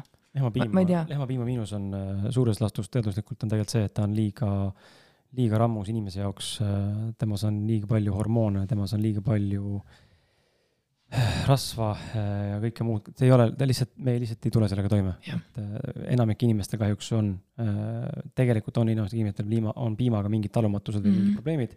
lihtsalt jälle me tuleme tagasi selleni, et me ei oska enda keha kuulata ega märgata, mida keha meile ütleb, et kui on. kuskil on vastikustunne pärast seda, ma söön mingisuguse toidu ära. a la ma toon näite, klassikalise näite, et söön suure portsu ära, mingi, kus on sealiha käkk juures, eks ole, on ju, või mingi käsn on ju. ja siis tunnen, et oh, nüüd tahaks lisata nagu leiva, leiva luusse. see keha näitab sulle, et see toit oli sinu jaoks praegu mm -hmm. raske. see toit peaks andma energiat. päeva jooksul energianivoo ei tohi tegelikult, peaks olema ühtlane, vaata. või siis mm -hmm. tõusma toiduga, no kui sa kukud pikali pärast sööki, siis ilmselgelt see oli sulle kurnav, see ei olnud Jep. see, noh no siin tuleb lihtsalt hakata nagu jälgima, aga see ongi raske, sest me ei oska alguses märgata ega teadvustada, et aa, äkki see ei sobinud mulle, me oleme harjunud lihtsalt tegema nii, nagu on. Me arvame, et meil on hea olla, aga tegelikult me ei tea, mis see hea olla tähendab, sest meil nagu tegelikult kogu aeg nagu ühtlaselt paha olla, vaata, ja siis, kui sa nagu proovid seda nagu, et äh, sul on organism puhas, vaatad, mis sa suhu pistad ja see, kui sa saad selle tunde kätte, siis sinna vanasse kohta sa enam tagasi minna ei taha. mina nagu enda näitel, kasvõi see soolepuhastus, maksapuhastus on ju, mu keha ei küsi enam mingit paska ma ei pea teadlikult mitte midagi arvama, et kas ma tahan nüüd seda või äkki ma peaks seda kooki võtma või ma lihtsalt ei taha enam, sest keha ei küsi. ja see on okei okay vahepeal võtta, kui tuleb jälle isu peale mm, -hmm. et äh.... aga ma tean, et mul on paha olla pärast seda, siis ja. ma tean, ma teangi, et kas ma viitsin riskida sellega, et mul on pärast paha olla või ma jätan selle asja mm -hmm. nagu mhm. vahele. vot see on keha kuulamine. kodus äh, ka hunnik šokolaadikapis on ju, mul on väga mitmed sõbrannad, kes on külla tulnud ja holy crap, nagu mul oleks ammu juba see laadung nagu sisse aetud näost on ju, kuidas sa suudad täpselt samamoodi ma vastan neile, nagu sina vastad, eks ju, et see on mu valik see on mu valik, mul on valik, kas ma teen selle kapi ukse lahti, söön selle tahvli maiuspala šokolaadi ära, pärast karjun oma laste peale, sest suhkur ajab mind täiesti pöördesse, on ju, igatepidi.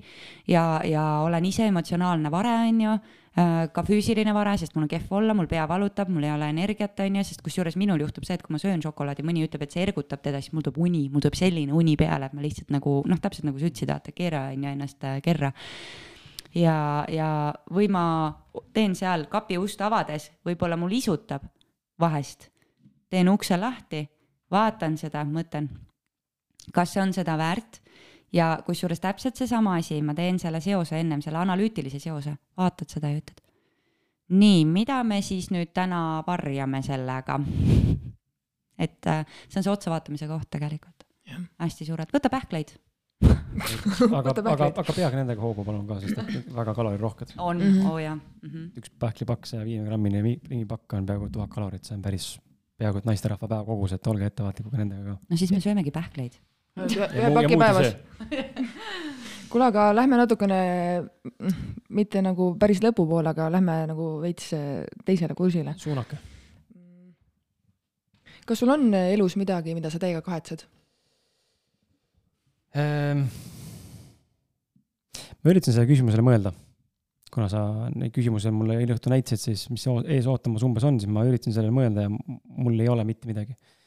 nagu noh, on mingeid asju, mida ma tunnen nagu, et äh, mis puudutavad kommunikatsiooni, kus oleks saanud paremini võib-olla sõnastada midagi või ähm, ilusamini öelda kellelegi või, või vähem halvemini öelda, mis on mõjutanud mingit minu suhtlust mingi inimesega või toonud mingisugused situatsioonid, jah, neid on mõningaid kus oleks saanud midagi ära ütlemata jätta nii-öelda või nagu teistmoodi öelda, aga nagu kui tegu sellist või kogemust sellist, mida ma kahetseksin, mul, mul ei ole noh, ma ei ole nagu, ma ei ole nagu elanud niisugust mingit pätielu või nagu noh, see võib olla tobe näide pätielu, aga nagu mingit niisugust elu, kus ma teeksin midagi nagu väga halba, mis kuidagi peaks. kus sa käiksid jalaga vanamutti ümber lükkamas? nojah, nagu seda, võib-olla, võib-olla see oleks see, noh. mis siis, et sa võib-olla tahaksid? võib-olla ma jõuan veel. et mul ei ole jah tõesti ei ole siit ma küsin kohe järgmise küsimuse, kas sul on olnud elus mingit nii piinlikku olukorda, et mis jääb surmani meelde, et sul nagu täna mõtled sellele, sul on ka täiega mark nagu? ma üritasin selle mõelda, mul ei tule üht, mul ei ole ühtegi, ei tule meelde, mis oleks hilises eas, mul on lapsepõlvest üks äh, on meeles, mis on, äh, ma ei mäleta, vana mulle võisin, pakun mingi, noh, mingi viis, kuus, seitse heal juhul. mäletan, ma olin kaubamajas vist isaga ja siis äh, jalutasime seal riidepoes kuskil ringi mis iganes mingi riidepood oli. ja, ja siis äh, vehkisin seal äh, mannekenide ees. noh, mingi kaklesin mannekeniga, vaata onju, omast arust kõva vend. siis käisin, peksin vahepeal riide käega onju. ja siis mingi hetk, noh isa vaatas mingeid riideid ja ma siis käisin ringi seal ja vehkisin kõikide mannekenide ees. ja siis lõpuks oli kellel mingi üks manneken, seisin ta ees, vehkisin seda täiega mingi ja siis vaatan üles, on päris inimene. Siis ma mäletan, siis mul oli megapiinlik lapsena, ma ei teadnud, mida teha, mul oli nagu ülipiinlik, ma seisin seal ja siis ma läksin nagu ülipiinlikult ära. ja ma mäletan pärast seda, ma ei teinud seda enam mitte kunagi poes. Ja see tuleb mul vahepeal meelde, et jumal tänatud, et sa olid laps, sa said andeks. aga, jaa, aga ma, mu küsimus ongi nagu, et kuidas see sulle nagu siiamaale niimoodi on meelde jäänud, et see on piinlik. no on meelde jäänud see tunne. ma arvan, et see tädi nagu vaatab seda ja see, see või onu, või onu, vahet ei ole, äh, vaatab ja, ja täiega nagu siiani meenutab, see on naljakas. ei no muidugi on ja ta muigaski, ma mäletan, aga, aga see oli, mul on meeles see tunne lihtsalt nagu, et niisugune tardumine tekkis, et holy shit, see on päris inimene. Error nagu, täielik error, mis ma nüüd teen? siis ma siit alustasin minema, et seda ma mäletan küll issand jumal, ma olen neid äh, Tallinna kaubapoes igal pool näinud neid lapsi, kes istuvad seal, räägivad mannekenidega pikad jood maha, kuni ema-isa šopavad, see ei ole isegi enam nagu. see ei ole üldse see ei ole isegi üldse imelik nagu see on jumala okei okay,, noh, kellelegi peab ja muret kurtma saavad ja vaidle vastu. okei äh, meil on mingid küsimused, mis kattuvad veits äh, Lisannega, et. see sihuke, tahaks küsida, aga ei küsi. ei, küsin, küsin Lisanne on tahtnud küsida, et äh, sa tundud sihuke laadna poiss, et kas vahel nagu lähed närvi, flipid ära ka või? ja meil, ja kui jah, siis mille peale? defineerime ära flip imine, et lähen võtan kirve või? Lähed närvi? kirve võid vabalt ka võtta. tükeldan inimesi garaažis või? jaa, et mind huvitabki, kui sa lähed inimest tükeldama kirvega, siis mis sul nagu ennem seda on juhtunud no naine tegi kehva toidu siis lähen tükeldan naabreid aa ei noh, aitäh vastuse eest. söötis liha sisse, liha pidi agressiivseks tegema ja eks muidugi on, ma olen väga ladna ja, ja üha, üha rohkem näen, et vanusega tekib seda neutraalsust rohkem juurde ja juurde ja juurde. või pigem mitte vanusega, vaid pigem ajaga. läbi teadlikkusega tekib seda neutraalsust, ma suudan vaadelda situatsiooni kõrvalt inimesi mitte nii väga hukka mõista kui vana, nooremana. ja käivitun ka võib-olla mingite asjadele peale vähem, aga on loomulikult hetki, kus minu trigger'id saavad käivitatud ja teinekord on päevas mitu korda. et äh, ma arvan, et see on vale, noh, ma ei saa öelda, et vale öelda, võib-olla mõni inimene jõuab sellisesse seisu, kus tal ei ole ühtegi trigger'it enam. no palju õnne, siis sa oled ikka fucking kõva. palju õnne tõesti. ma ei tea, kas sa oled kõva vend, mina ütleks selle peale, et siis sa ei ole nagu inimene ju enam. no vot, sõltub onju, kui sa, kui sa, kui sa oled nagu, kui sa pead silmas, et ei ole inimene, ta on emotsioonitu ja tundetu, see on no teine asi. aga kui ta on ikkagi emotsionaalne, aga ta on tasakaalus. no sa ei küll. käivitu, sa ei reageeri välisele stiimulile, siis see on see, kuhu mina tahan jõuda, sest siis sa, siis, siis sa võtad täieliku vastutuse oma maailma ees. et minu, minust väljapool ei saa mitte keegi ja mitte miski mind häiritada, ainult mina ise kontrollin, kuidas ma millelegi reageerin. ja see on minu jaoks nagu ülim vastutus ma ei lase ennast mõjutada mitte kellelgi ega mitte millelgi. ma jään neutraalseks, ma ei ole tundetu, ma ei ole apaatne, ma olen surnud zombi. ja ma ei ole ka arvamuseta, on ju. ma ei ole ka arvamuseta, aga ma olen ülim rahu, mul on täielik vaoshoitus, tasakaal, neutraalsus. ma ei anna hinnanguid, ma ei mõista hukka. seda minul täna veel ei ole, aga selles suunas ma liigun, ma näen. ja, ja need trigger'id on tõesti pisikesed, kas lapse või, või naise poolt või, või mis iganes valdkonna, mis peegeldab seda, et neid trigger'id on aeg-ajalt. aga noh, millised mu trigger'id on siis, mis ma nagu teen, et ma ei lähe tükeldama. Äh, ma võin, ma, ma võin plahvatada verbaalselt. ma võin nagu öelda lambist mingisuguseid asju, noh, ma ei ma ei, ma ei tea, mis need mehed ikka tavaliselt võivad öelda, seal laps teeb midagi, siis endal on sitt üle pea kuhjunud juba, siis plahvatab välja, et, et ma ei tea, fuck küll, ma ei viitsi siin olla, olge vait või mis iganes, et mingid emotsioonid nagu tulevad välja korraks sellisel viisil, ma ütlen verbaalselt midagi, ma ei solva kedagi. aga mul on ongi umbes see, et tere küll, mul nii kõrini kõigest sellest sitast hakkad nagu välja nägema, siukse nagu vastiku häälega, see on nagu monoloog. et mul pigem seda, ma ei muutu vägivaldseks ega kuidagi nagu ahistavaks ega, ega kuidagi nagu vaimselt terroriseerivaks. aga kui sa oled nagu verbaalselt selle nii-öelda välja öelnud, kas sa tunned, et see ongi see koht, kus ennast maha laed? pigem läheb rohkem käima okay.. Läheb olen, käima ja süümekad tulevad ka ju veel taha. käima, siis kui sa teed seda oma partnerile või oma lapsele, eks ole, või kuidagi kogemata, siis sa nagu hakkad aru, aru saama, et nagu, aga miks ma, miks ma, kas ma pidin praegu niimoodi ütlema, ma oleks võinud ju lihtsalt nagu olla korraks kaks sekki vait, mõelda, läbi elada selle emotsiooni, aru saada, et see on lihtsalt minu, minu trigger ja ma ei pea niimoodi kohe plahvatama, et see plahvatus, see reageerimise astumine on nii automaatne, see on murdesekundiga, et see on see pool ja, ja ma märkasin seda üks päev nüüd peaaegu aasta tagasi, aga lapse puhul, et ma mingi hetk äh, oma tütrega ütlesin midagi kuidagi ebameeldivalt, mitte talle nagu halvasti, aga kuidagi reageerisin plahvatuslikult. ja siis mul kohe sekund hiljem tekkis see tunne, et holy shit, ma nagu oma isa. täpselt oma isa sõnastus täitsa pekkis, nagu ma ei taha olla selline. mitte mu isa oleks halb, ta on väga hea inimene, aga ma nägin selle mustri ära, ma olen täpselt nagu oma isa. mingites nendes närvi, nagu nendes plahvatushetkedes, täpselt nagu tema, täpselt samad sõnad, täpselt samamoodi käitunud, samasugused tsitaadid, samasugused mingid laused, onju. et ma olen täpne koopia. kuradi kurat, see on õpitud, see ei ole, ma ei pea olema tegelikult selline. programm. Meeldis Annega oli just äh, mil, mis õhtul me käisime seal linnas? reedel. reedel. Äh, meil oli just see vestlus, et äh, et teadliku inimesena justkui alati suudad analüüsida, mis ja, teise inimese, nagu, jah, et mis kõike. teise inimese nagu käivitas, aga siis oligi nagu see koht, et kas me peame alati analüüsima, kas me ei või lihtsalt ollagi lihtsalt see tavaline inimene, me plahvatamegi, me saame pärast aru, et me plahvatasime, aga kas me alati peame suutma selle plahvatuse ära hoida? et kas see ei ole mitte nagu vahest emotsioonide allasurumine, vaata? ei, see, kus see läks, pani jooksu et äh, jaa see.... nii hea podcast on, tükid lausa lendavad nii, niivõrd-kuivõrd see sõltub, ma olen nõus, et emotsioone alla suruda ei ole mõtet, aga seal on väga suur erinevus äh,. erinevus ongi selles, et äh, kui sa suudad jääda vaatlejaks, siis see tegelikult ei ole allasurumine, vaid sa mõistad olukorda mm.. sa mõistad enda perspektiivi ja perspektiivi, mida sulle teine inimene näitab siis või maailm peegeldab ja sa saad aru, kust see tuleb ja miks see niimoodi praegu oli. teine pool on see, kui sul on trigger ja sa neelad selle alla sa oled vihane, sa tahad, tahad karjuda kellegi, okei okay,, kellegi peale võiks üldse mitte karjuda, aga sa tahad karjuda või nutta ja siis surud selle alla. mehed teevad seda, ei lase nuttu tulla, et klomp tuleb kurku, aga ma ei lase, vaata, tunnen nutul välja. ise olen ka tundnud seda väga palju ja lõpuks, kui lased, siis sa nutad nagu täiega lihtsalt, nutad nii, jõhkralt. et see on nagu vale, seda nagu ei tohiks teha, sest see viib lõpuks haigusteni. see reaalselt viib füüsiliste haigusteni. ja seda teevad mehed, seda teevad naised samamoodi, et aga see on nagu, nad on natuke nagu erinevad äh,. nii et äh, vastus on ja ja ei, et äh, neutraalsus, aga samal ajal tuleb oma tundeid tunda loomulikult. kas sa oled nõus äh, selle väitega, et kui ma ütlen sulle, et äh, kui me vaimse poole pealt surume hästi kaua ja hästi palju alla, siis next level on füüsiline keha, mis saab nagu paugu? kindlasti mm, -hmm. pole küsimustki, et äh, need on ju seoses, et see ei ole. see on jälle see kvantfüüsika pool tegelikult ka mingil määral. no see on ju ka tavaline inim-, inimanatoomia, et sul lihtsalt, sul lihtsalt hakkavad tekkima keskkonnad seal äh, stress tekitab paratamatult haigused, see on nagu, sul hakkavad hormoonid hakkavad muutuma, sul hakkavad seal, ma ei tea, mis iganes veel on see sees ma ei ole nagu arst ega teadlane, aga lihtsalt see on selge seos, see on, see on nagu, pole küsimuski, noh, kui sa oled ikkagi inimene, kes on depressiivne, siis varem või hiljem tekivad ka haigused mm. -hmm. millised, see on nüüd küsimus, on ju, kas ta on pärilik, kas ta on soodumusega, kas ta on mis iganes veel. aga igal juhul sul läheb see füüsiline keha lõpuks ei tule toime enam selle, selle tohutu pingega, mis su sees on, sa pead kuskilt välja laskma, kas siis mm -hmm. haiguse najal või vabastama selle. ja siit, siit me tuleme tagasi tegelikult ka ringiga nagu selleni, et, et kui sa oled jõudnud nagu sinnamaani, siis äh, nüüd mõte katkes ära. see on viimane piir, kuhu inimene üldse jõuda. viimane piir ja et sul peab hakkama jälle nii halb mm, -hmm. muidu sa ei hakkagi ja. märkama, vot siit, see oli mu mõte et see jõuab ringiga kõik jälle nagu otsast, see on ju noh, suur mehhanism nagu kõik on äh, omavahel seotud. et see teadlikkus, et kui mul ongi juba füüsiline mingi häda, siis tähendab, et vaimse poole peal on vaja tegeleda millegagi. absoluutselt. noh, tõenäoliselt on ju. emotsionaalse poole. no ma ei räägi luumurrust või mingist ja. traumast, on ju.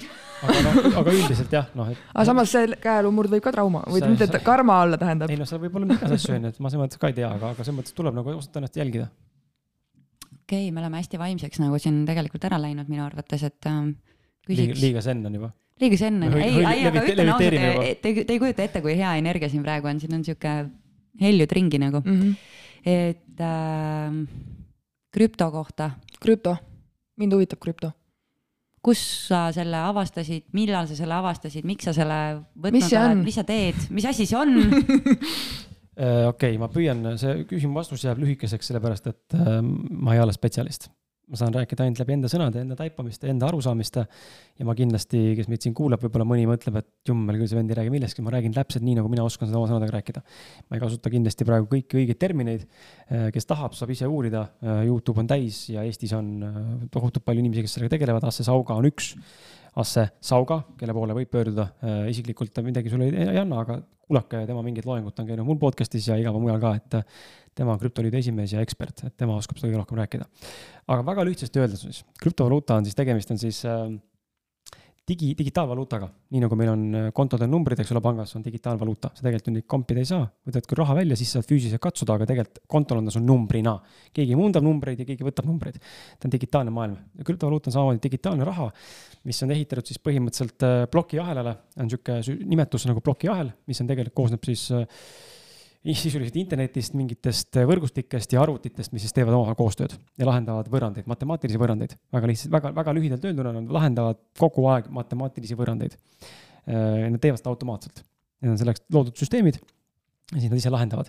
ja siis seal toimuvad äh,, inimesed siis saavad näiteks, ma ei tea, vaatame, kui inimene hakkab kaevandama krüptot, sihuke termin olemas on krüptot kaevandada, ma panen arvuti püsti, panen selle programmi jooksma ja nüüd mul tiksub, elekter aeg ja nüüd arvuti lahendab mingeid võrrandeid. mida, mida võimsam arvuti, seda rohkem suudab ta neid minutis või tunnis neid võrrandeid lahendada. ja seda kiiremini mulle antakse siis nii-öelda nagu reward'ina, tasu antakse mulle mingi coin, mida ma lahendan. Bitcoini näiteks kaevandatakse, siis sa saad vahend, arvuti lahendab võrrand ära mingi ajaga sa saad vastu mingi koguses Bitcoini, millel on väärtus täna, on ju. ja siis teine pool on siis, plokiahelal on siis see, et ta loob platvormi, platvormi, mille peale siis äh, ehitada põhimõtteliselt tehnoloogiaid ja süsteeme ja algoritme ja lahendusi. Äh, väga lihtne näide näiteks siia vahele tuua on siis see, et vahetustasud on ju, et krüptot saab kasutada täna selleks, et osta, müüa, vahetada äh, teenused, tooted, mis iganes, ta on, ta on ta, vahendustarbekaup, nagu meil on samamoodi, noh, mitte tarbekaup, aga vahenduskaup, nii nagu meil on täna fiat valuuta on ju. ta on lihtsalt digitaalne, ta on digitaalne, teda ei saa füüsiliselt kuidagi hoida, ta on lihtsalt digital nii-öelda. ta on kuskil võrgustikus ja, ja sul ei ole kunagi nagu mõne mündiga siis, kuna Bitcoin näiteks täna on kuuskümmend kuus, no ütleme kuuskümmend tuhat, lähenemas kuuekümne tuhande eurole per tükk, on ju, ühe hind. üks Bitcoin üks on kuuskümmend tuhat eurot või? täna jah kuskil sinnakanti viiskümmend, viiskümmend viis, viiskümmend kuus, viiskümmend seitse, täpselt praegu kuidas kõigub, eks ole. Äh, kõik saab alguse nullist, on ju, ta on nüüd läinud sellise suunaga, on ju, et ta on esimene, ta on esimene münt äh, ja ta on esimene, kes nii suureks on läinud, teised on praegu sihuke neli tuhat ja siis on paar veel paari sajast ja siis ülejäänud on siuksed kopikatega, kümnete ja kahekümnete ja sadadega ja üldse kopikatega sentidega võib ka olla niimoodi, et sa ostad ühe mündi ja saad teda mingisugune, ma ei tea, soti eest saad miljon tükki näiteks, sellised on ka olemas, mhm. on ju. aga küsimus on, kas sellel on potentsiaali minna sinnamaani, et temast ükskord on sinu sellest sotist saab ka miljoni investeering ka võimalik, aga me ei, kunagi ei tea, neid on palju tohutuid ettevõtteid. ja, ja kuna sa tahad omada näiteks krüptot, eks ole, tahad osta Bitcoini, siis sa ei pea ostma ühte Bitcoini, vaid sa osta, võid osta segmente Bitcoinist, tükikesi tahad mm. sot, osta soti eest Bitcoini, siis saja euro väärtuses saad sa endale null koma null null null null null mingi ühiku Bitcoini, mhm. on ju, sa ostad nagu fragmenti sellest ühest ja neid turul on kindel arv liiklemas, igat ettevõtte münti või igat münti on kindel arv liiklemas. ja selle pealt siis moodustub hind ja kõik muud asjad ka, et see mingi hetk saab otsa, on ju, seal on mingisugune veel sisse terve termin, et. miks see hind nüüd üles läheb, on sellepärast, et osad mündid siis süsteemis kuidagi kustuvad ära, põlevad läbi nii-öelda, on ju, see on sisse kirjutatud kood, koodid nii-öelda ja see viib siis nagu nõudluse hinna kaks korda üles või kolm korda ülespoole uuesti jälle, on ju, ja pluss on ka see, et lihtsalt inimesed kauplevad sellega, võetakse kasutusse, siis tõstab nõudlust, ühesõnaga. mis iganes veel, ta on digitaalvaluuta, millel on olemas plokiahel, mis süsteem. nüüd plokiahel, mis ta võimaldab, kui me räägime keskpankadest, on ju täna. Eh, panga ülekande tegemiseks pead sa saatma SEB-st raha LHV-sse või näiteks toome näite, SEB-st saata raha kuskile Austraaliasse, mingisse Commonwealth Banki näiteks. siis seal vahel on sul SEPA ehk äh, isegi ei ole SEPA, vaid sul on SWIFT ülekanded, mhm. rahvusvahelised mm -hmm. ülekanded, mis võtavad aega teinekord kolm kuni viis päeva kuidas saab olla niimoodi, et digitaalse numbri ülekandmine ühelt kontolt teisele tekitamine võtab aega viis päeva? kuna ma olen töötanud Transferwise'is, endine Transferwise, tänane Wise startup ettevõte, mis teebki siis pangalahenduste makseid, eks ole, odavamalt ja kiiremini ühest maailmast koha teise, Eesti ettevõte siis ma nägin seda struktuuri, kuidas see töötab. väga lihtsasti öelduna, äh, mida Transferwise'is tegi, mida ta lahendas, on see, et ühel pool on sul euro, sa tahad saata eurosid näiteks jeenidesse siis selle asemel, et saata läbi nende pankade, kus iga pank hoiab raha mingi periood kinni, ta võtab vahendustasu vahelt endale, eks ole, selle eest hoiab, et see konto üldse raha tuli tema kontole, saadab see järgmisse panka ja nii edasi, lõpuks jõuab see kohale sinna jeenidesse, kus siis sinu kontod on, rahad on siis lõpuks Jaapani jeeni mingi kontol, on ju. see on tohutu protsess ja tohutu fee ehk tasu, on ju, mis sult ära võetakse nüüd, mida täna siis Transferwise tegi, on see, et neil on eurokonto, neil on jeeni konto. sina kannad oma eurokonto Transferwise'ile, nemad kannavad enda jeeni kontot sinu jeeni kontole jeeni mm.. raha tegelikult ei liigu, piltlikult öeldes ja sellepärast on ka odavad vahendused. mida Bitcoin siis teeb või krüpto siis?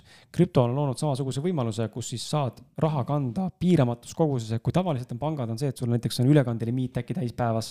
Äh, ma ei tea, pankadel on mingid veebiserverite errorid, eks ole, ülekanne ei lähe läbi, on ju, mingi makse ei lähe läbi, net kaob ära, on ju.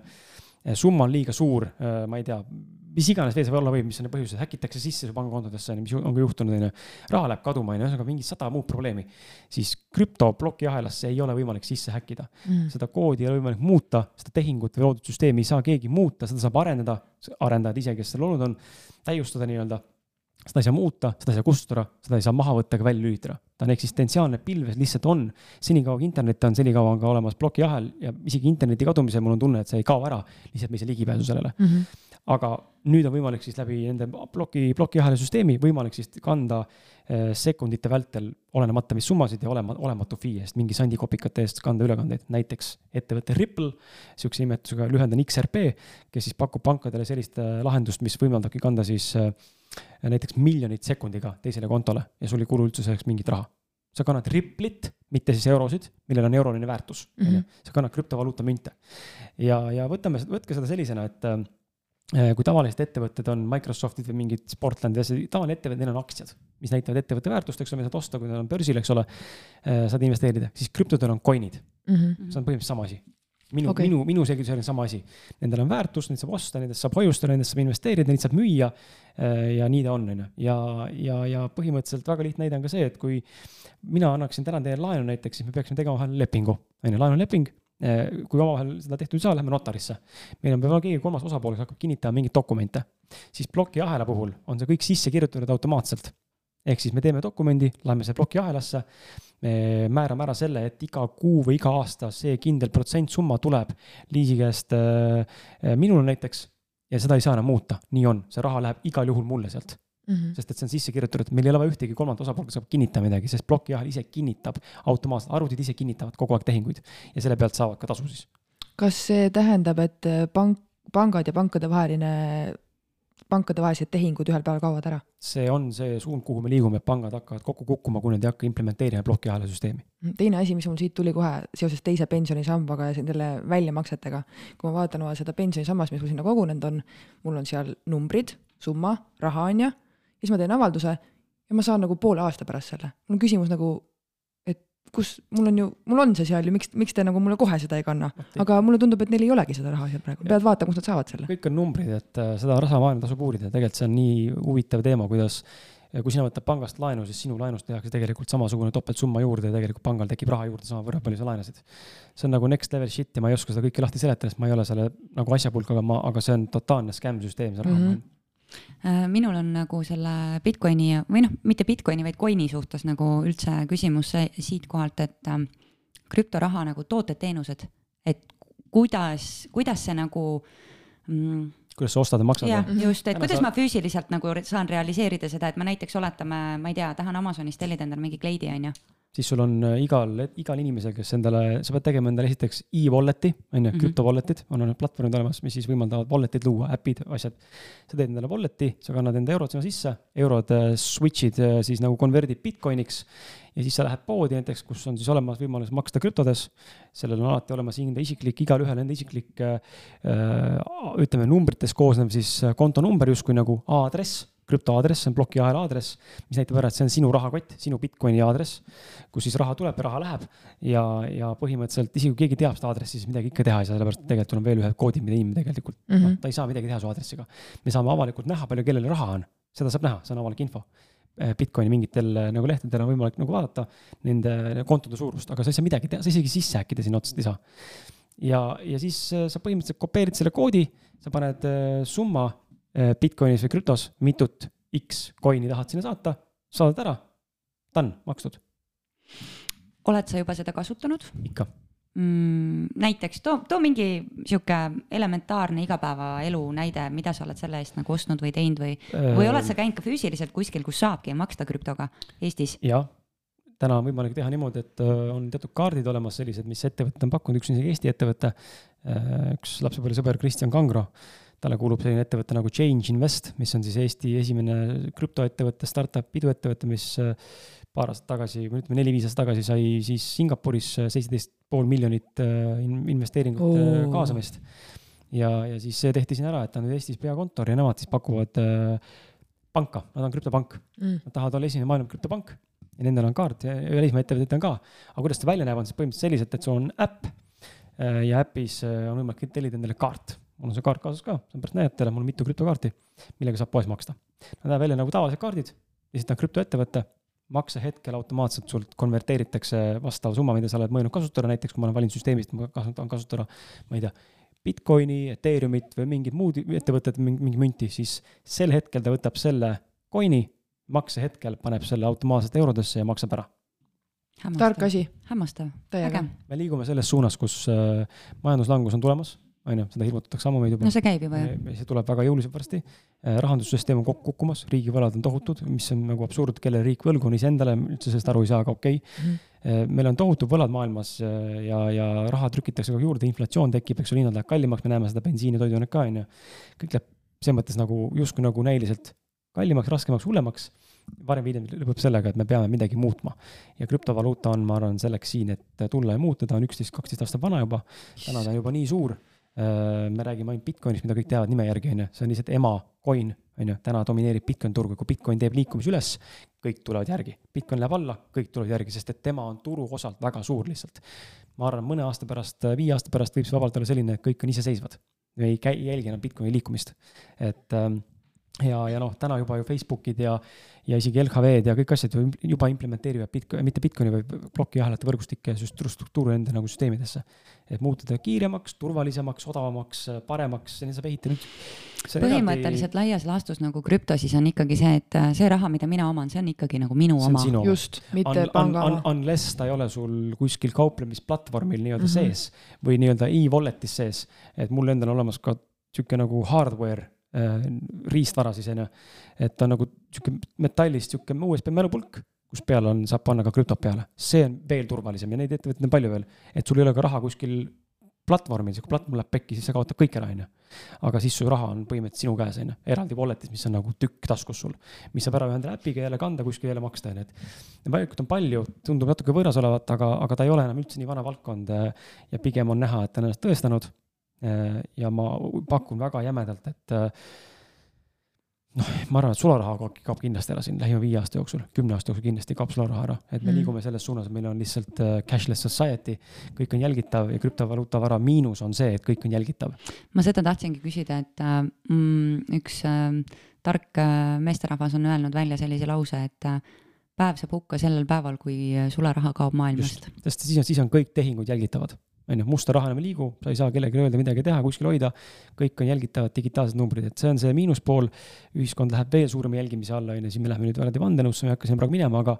aga selles mõttes, et krüptol on omad väga suured eelised, väga suur potentsiaal ja ta peab tulema, ta ongi järgmine oluline asi, mis siin tuleb. aga sellel on omad, omad asjad, mis mina näen nagu ohud tähendab, et ärimehed ja poliitikud siis nende jutule ei saa enam kilekotiga minna, vaata, pead minema krüptokaardiga krüptokaardi ja kõik on näha, et enam ei, noh, täna. no ühesõnaga tasub aus inimene olla mm, -hmm. tasub. isegi krüpto..., isegi rikkad hakkavad nüüd nutma. aga krüpto, aga krüpto on tulevik mm. -hmm. täna ja täna ei ole hilja investeerida, te ei, te mõtlete küll, ei Bitcoin on kuuskümmend neli tuhat, ma ei saa. meil on veel neli tuhat münti millel on samasugune, võib-olla mitte samasugune, aga väga suur potentsiaal. et äh, lihtsad näited on siin see, et kui ma oleksin kolm aastat tagasi, kaks pool aastat tagasi oli see hetk, kus Bitcoin oli peaaegu, või kolm äkki isegi vist, oli Bitcoin, ma mäletan, kolmsada eurot, äh, kolm tonni, kolm, kolm tonni oli tükk, on ju, mingi aeg. ma neid ostsin mingi aeg endale, ma ei mäleta, äkki null koma kolm Bitcoini või, ehk siis ostsin tonni eest vist, on ju. Ja, ja noh, täna oleks selle väärtus siis null koma kolm, mingi kakskümmend tonni umbes on ju, natuke võib-olla vähem. Äh, noh, mul ei ole seda, siis ma müüsin maha, on ju, et ma ei osanud, ei osanud oodata, et see nii kiiresti juhtub. põhimõtteliselt et, oleks sul tänasel päeval kakskümmend tonni lihtsalt nagu pangakonto peal. selle eest ma vist hoidsin versus pensionisammas, kus tegelikult mitte midagi ei kasva. okei, lähen krüptosse. ja tegelikult on ka see pool, et see on, see on nüüd pikaajaline investori näide on ju, et sul nelja-viie-kümne aastaga juhtub see, et sul mhm. kasvab ja mõistlik ongi hoida. sa võid hakata kauplema, ma olen läbi teinud selle teekonna ja ma näen, et see ei, ole nii efektiivne, sest seal tuleb mängu emotsioonid, tunded, sa hakkad seal puusa panema. lihtsam on hoida ja osta kogu aeg juurde, no matter what the price is. lihtsalt osta ja hoia, varem või hiljem, elu on näidanud, ajalugu näidanud, see läheb kogu aeg kõrgemale okay.. ja potentsiaali on tohutult veel seal turul, sest me oleme nagu alles beebikingades mm. -hmm. ja mõtlen, kui tulevad arengumaad kaasa, kus ei ole veel sellist infrastruktuuri infrastruktuuri, nagu täna pangandus on Eestis, eks ole, ID-kaardid ja asjad, ülekanded. mõnes riigis ei ole seda pank, mõnes riigis ei ole pankasid, saate aru, ja inimesed maksavad sularahades mm. -hmm. nüüd, kui nemad saavad ligipääsu krüptodele, mis on tegelikult ainult telefoni, nutitelefoni küsimus. Need on miljardid, kes tulevad sellele turul, turule kaasa. et see institutsioonid, kes tulevad sellele kaasa, kes panevad rahad sisse, täna juba inimesed, noh, ettevõtted investeerivad täna miljardeid krüptosse sisse mm. -hmm. Nad näevad sellest tohutut investeeringuvõimalust. Nemad mängivad teiste numbritega kui meie, on ju, sinu väikeste numbritega, aga siiski on ka olemas selliseid variante, kus sa investeerid sott näiteks. alles kolm, neli, neli aastat tagasi oli sihuke, et üks Hiina ettevõte investeerisid sott, sa said viissada tuhat tükki seda on ju, münti, sest ta oli nii odav lihtsalt mm, -hmm. kopikatega. ja üheksa kuu pärast oli ühe tüki hind kaks koma neliteist, sa tegid sajast eurost, tegid üks koma kaks miljonit. see on reaalsed investeeringud. sinna ongi mu raha peidetud. nüüd on küsimus, nüüd on küsimus, kas sa sellega välja oleks saanud võtta, on ju, kas turul on piisavalt likviidsust, et see raha välja võtta reaalselt, on ju, aga see potentsiaal on tohutu, see on tohutu potentsiaal, mis krüptos tegelikult on ja me oleme täna alles lastekingades. äge okay aga arvest-, aga arvestada tuleb, et see on ka investeering ja riskida sellega, mida sul ei ole, ei ole mõtet alati riskida seda raha, mida sa oled valmis kaotama mm. -hmm. et see on nagu fakt by default mm. -hmm. et kui sa ei ole valmis kaotama, siis ära mine krüptosse, seda on väga volatiilne. täna on Bitcoin kuuskümmend kuus tuhat, homme võib ta olla juba kakskümmend viis tuhat. see on võim-, see on võimalik mm. -hmm. ja mitte keegi ei oska ette ennustada seda. no see on okay. põhimõtteliselt nagu aktsiaturu peal mängimine. see ongi mm, -hmm. sa, sa, sa võid olla hea spekulant ja panna täppi, aga you fucking never know, turg võidab alati lõpuks. sa mm -hmm. pead siis oskama ennast kohandada ja ennast kaitsta, muud midagi ma äkki, Lisanne, teeme viimase küsimuse ringi, sinult üks küsimus, minult üks küsimus. teeme. Küsi ennem, ma pean eh, natukene koguma ennast. Okay.. ma küsin, et eh, kas, eh, kas on veel midagi või noh, mis kas kindlasti on, aga mida sa näed, et sa veel tulevikus teha tahad, midagi ära teha? ma püüdsin sellele küsimusele mõelda, ma näen seda jälle seda sama asja, et vanusega on hakanud nagu, vanusega, ma olen ajaga, kolmkümmend olen, ma ei ole mingisugune kuradi viiskümmend või kuuskümmend, onju, et ajaga olen hakanud märkama, et minu see välise maailma saavutamise vajadus on hakanud ära kaduma, see on tohutu ego drive olnud. see ei, see ei ole mu eesmärk. see on viinud mind väga rasketesse olukordadesse, kus ma teen asju sellepärast, et ma tahan saada tähelepanu, tahan saada tunnustusväärtust, nagu saate alguses rääkisime, kõik taandub peale sellele, et ma tahan saada midagi. ma korvan mingeid asju, onju. nüüd sellega rahu tegemine on teine pool, aga ma näen, et loomulikult on mingid asjad, mida ma tahan teha. näiteks üks unistus on Äh, mille suunas ma samme veel täna ei tee, sest ma ootan seda õiget hetke, see idee on olemas, aga lihtsalt äh, ei ole veel käes seda hetke seda teha. ma ootan seda, et minust saaks Times bestseller kirjanik, äh, see on minu soov. tunnen, et see on võimalik. kolmas, neljas raamat on, on mul soolas ja ma arvan, et see saabki olema see, mille ma inglise keelde tõlgin, aga see ei ole täna, ma ei ole valmis seda täna veel kirjutama. sellepärast, et mul on puudu üks etapp elust, mis on materiaalse piisava materiaalsuse või enda jaoks X materiaalsuse valikuvabaduse saavutamine. ja ma näen seda väga suurt võrrandit, sest minu elu kõik tiirlebki täna selle ümber ja mul on väga suur taak, on vaesusmentaliteediga. ja, ja läbi selle läbinägemine, et see raha teema on nii suur minu elus ja ma pean sellega tegelema, see on minu põhitee ja põhitee ei ole mitte see, et ma pean pappi teenima, vaid põhitee on see, et kuidas teha niimoodi, et ma elan ainult oma asju tehes ma ei peaks mitte kellegi alluvuses töötama ega midagi muud tegema. ja elu üha rohkem viib mind täna selles suunas, kus ma näen, et äh, ka täna seal tegevjuhiametis ma näen seda, et ma äh, esiteks saan esitada arveid, ma ei ole palgatöötaja. esimest korda elus on võimalik niimoodi, mul teha nii-öelda nagu niimoodi tööd ja ma ei pea olema töötaja kuskil. ja ma teenin kõige rohkem oma elus üldse, mis ma teeninud olen, tehes kõige vähem tööd, mida ma olen üldse kunagi teinud. see suhe on täiesti nagu off aga see on see suhe, mida kõik inimesed peaks tegelikult kogema. ja nüüd selles suunas liikumine, ma näen, et siin on mingi jada, mis tahab mood, lahti moodustada ja see on veel läbi käimata, enne kui ma saan kirjutada selle raamatu. ja muidugi enda isiklikud arengud ka ja mingid taaga, mis tuleb ära lahendada. et äh, see on see soov. ja, ja noh äh,, lisaks sellele, mis ma siin veel kirja olen pannud, ma näen, et äh, loomulikult on siis tunnete ja emotsioonide pool. Enna-, e-, eneseareng, see on minu jaoks nagu äh, no-brainer, et äh, sellega tegeleda elu lõpuni ja, ja ilmselt ei ole kohta, kus ma jätaksin enesearenguga tegelemata või, või kuidagi pausile, et see on kestnud viimased viisteist aastat. ja, ja alates vaimsetest asjadest ja infost ja endaga tegelemisest ja lihtsalt see aasta, ütleme lapse sünnist saati on tohutult äh, tekkinud see muutus, hakata nagu veel rohkem sisse vaatama, et laps on käivitanud päris palju triggereid ja, ja see on nagu toonud päris palju muutusi esile minu endale, elukaaslasele samamoodi. nii et äh, endaga tegelemine ja, ja noh, mul väga nagu selles mõttes niimoodi unistusi rohkem ei ole niimoodi, et ma nüüd hullult tahaks mingit maja või villat või noh, need ei ole nagu eesmärgid enam. kihvt oleks sõita mingi uhke autoga, aga kas ma nagu vajan seda või? ei, ei vaja. ära prooviks, kui, kui oleks nagu nutsu, et proovida, ma kindlasti kogeksin, aga, aga see ei ole minu jaoks nagu enam see, et ma elan selle nimel, see ei ole mu drive. mu drive on nagu, minu drive on hoopis midagi muud, ma tahan äh, ma tahan nagu luua seda impact'i, mida ma olen ka podcast'i ausa mehega teinud väga jõuliselt ja, ja kirjanikuna ka kindlasti mingil määral, aga ma tahan seda impact'i luua, et inimestele, kuidagi inimeste elusid mõjutada, panna nagu mõtlema, arenema, muutma. mitte ma kõike teaksin, aga meil kõigil on kõigilt midagi õppida. on ju, kui me oleme valmis tegelikult kuulama või nagu märkama, mida see inimene tahab öelda mis tal öelda on. ja teinekord võib olla see täiesti nagu lihtlabane asi. et äh, ma tahaks nagu impact'i luua, see on nagu minu jaoks nagu vähe võimsam kui see, et noh, lihtsalt pappi teenida. see papp tuleb lihtsalt kaasa, ma arvan, mingi hetk. Väga ägedad eesmärgid minu arust ja mina küsiks siitkohalt, noh, see tegelikult hõlmab mingil määral seda teemat, et äh, kas Eesti või välismaa? sest Väl, sa oled, sa oled palju reisinud, et äh, mida sina nagu ütled, et kas Väätsa, Väätsa, ma arvan, jääb sinusugusele mehele ikka väga väikseks kohaks? no Väätsa on ajutine ka, ma ei ole siit pärit ju, ma olen tegelikult Tallinna poiss, elukaaslane on Väätsalt pärit, et äh, äh, lapse sünnist, kui me tulime Euroopasse, siis me olime rasedad äh, ja siis meil rahad said otsa äh,. elasime tühjaks ennast Euroopas, see oli eesmärk ka.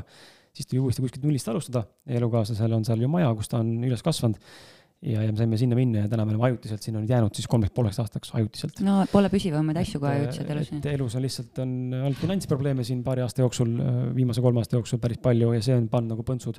aga need finantsprobleemid on tulnud sellest, et ma olen üritanud jälgida ikkagi oma teed. minu sees on nii tugev see asi, et ma pean käima oma teed. ma ei saa minna hakata kellegi teise heaks tööd tegema, sest varem-hiljem ma tunnen, et ma ei taha siin Sund. olla. ma ei mm, -hmm. ma ei ole see inimene, ma ei ole see inimene ja ma ütlen, et see vale on, kui see sulle sobib sa leiad endale töökoha mis sulle sobib, sind hoitakse, saad piisavalt tunnustust raha selle eest, siis see on fine. mina lihtsalt ei soovi seda, mina tahan teha oma asja. ma ei saa olla lõpmatuse kellegi alluvuses, sest ma ei, see ei ole minu, minu isiksus. see ei lähe kokku sellega ja Vääts on ajutine. et ma olen Austraalias elanud, ma olen Lõuna-Euroopas reisinud, elanud ähm, täna ma näen nagu tugevalt, et äh, kui need piirid siin lahti lähevad uuesti ja mul vaktsiinipassi ei nõuta, siis äh, ma lähen van, van life ima mingi paariks aastaks kindlasti.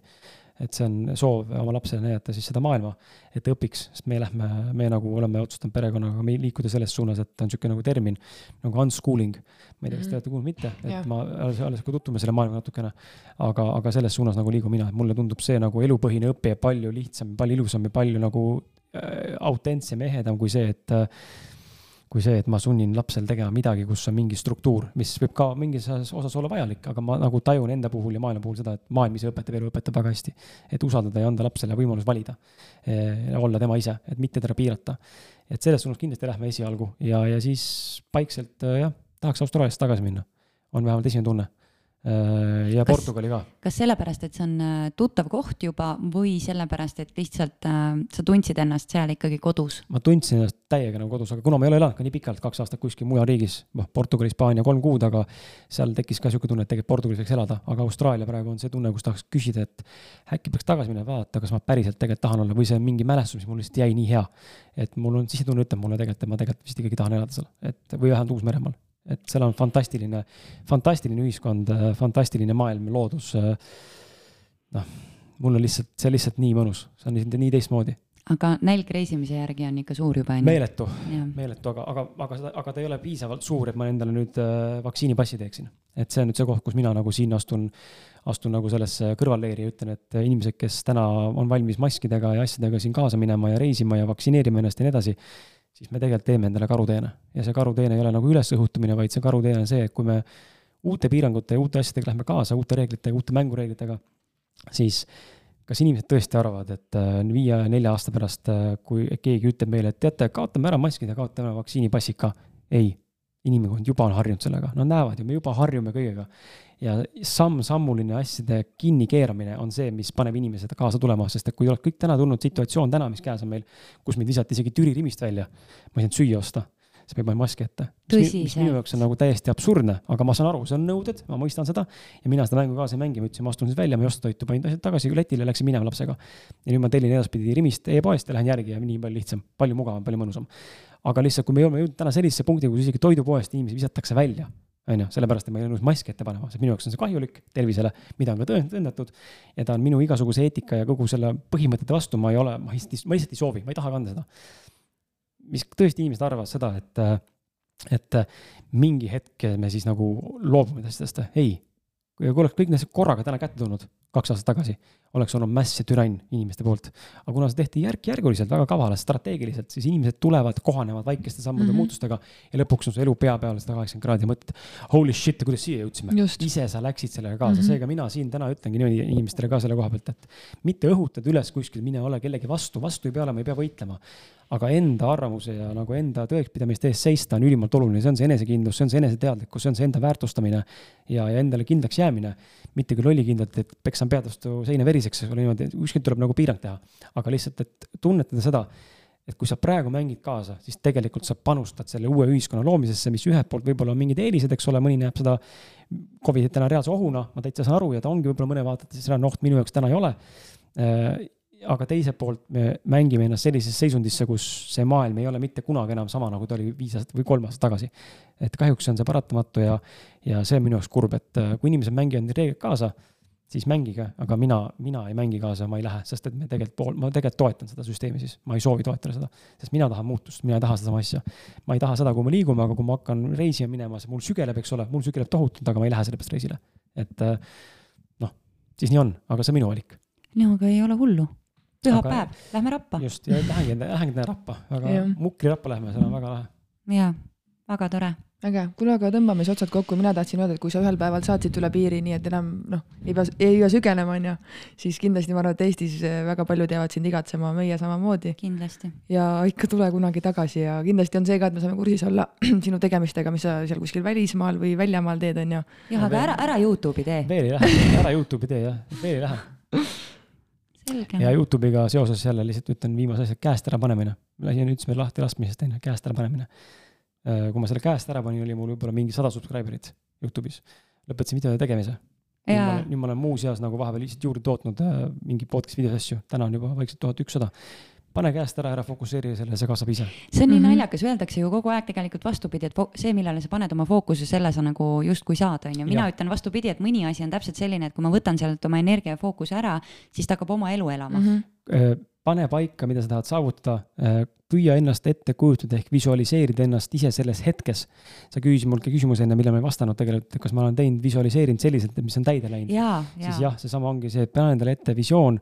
ma näen ennast näiteks kõrvalt vaadates äh, raamatukogu poes andmas autogramme uuele raamatule ja iseennast raamatukogu järjekorras seismas, et endalt autogrammi saada. ma nägin seda ja see juhtus täpselt nii, nagu ma nägin seda ja täpselt samas poes ka ja samas linnas ehk siis see juhtub, see õnnestub ja see on üks, üks näide, et sa pead ennast nägema selles situatsioonis sees. mitte unistama lihtsalt majast, vaid sa pead seda majast unistama ja nägema ennast seal sees elamas. see on ka. see detail, detailideni. sina pead olema seal sees. ja seal peab olema see tunne. just, see tunne saab tekkida siis, kui sa näed ennast seal sees olemas, kui hea sul on seal olla. või kui sa teed midagi, siis sa näed ennast kõrvalt selles sees olles. ehk siis äh, jah, see mõttes on võimalik ja, ja käest ära panemine ongi see, et kui sa sa annad oma soovi välja, aga sa lased lahti, kuidas see sinuni jõuab, sest et me ei tea, kuidas see meieni jõuab. me võib-olla mõtleme küll, et ei no aga ei ole niimoodi, et siin ju türa, aga tahaks uut autot, aga no kes see ostab, mul ikka ise pean ostma. aga võib-olla sul tuleb äh, kolme kuu pärast sõber, kes on miljonär ja tal on neli äh, Škoda Octaviat või mingit sinu ulme, mingit Lamborghinid, mis tal on üle lihtsalt, ütleb, kuule, aga võta üks mul on nii poogen summa see, mul on üle neli tükki neid. ja kõigile, kes usuvad, see on ulme, siis ma räägin teile kiire lõpuloona veel siia, kuidas äh, visualiseerimine näiteks minu elus viis ka mm mind äh, reaalse unistuseni, kuidas ma istusin oma emaga lihtsalt äh, ema juures ähm, diivani peal, unistasin uuest köögist. ma teadsin täpselt, millised need põrandad peavad tulema, ma teadsin täpselt, millist mööblit ma soovin, ma teadsin täpselt noh, emotsiooniga vaata äh,. ja noh, istusid ja, aga kui nüüd oleks raha veel ka ja siis äh, sellest ei läinud üldse kaua mööda, võib-olla paar kuud, kui mu vanaema helistas mulle, et vanaisa võitis lotoga, me anname sulle köögiremondi raha. noh, vaadake. ja nii käib, unista, unista tundega ja ma arvan, et Krisiga see mõte nagu kannab. jah, ja see oli äge mõte siia lõppu. et äh, thanks, Kris, väga äge vestlus ja väga palju sai siit kõrva taha pandud ja väga palju, mille üle mõelda. hästi suur energia, jaa ja. selge, aga siis äh, järjekordselt Külma kohviklubi, kuulake meid uuesti. Kuulmiseni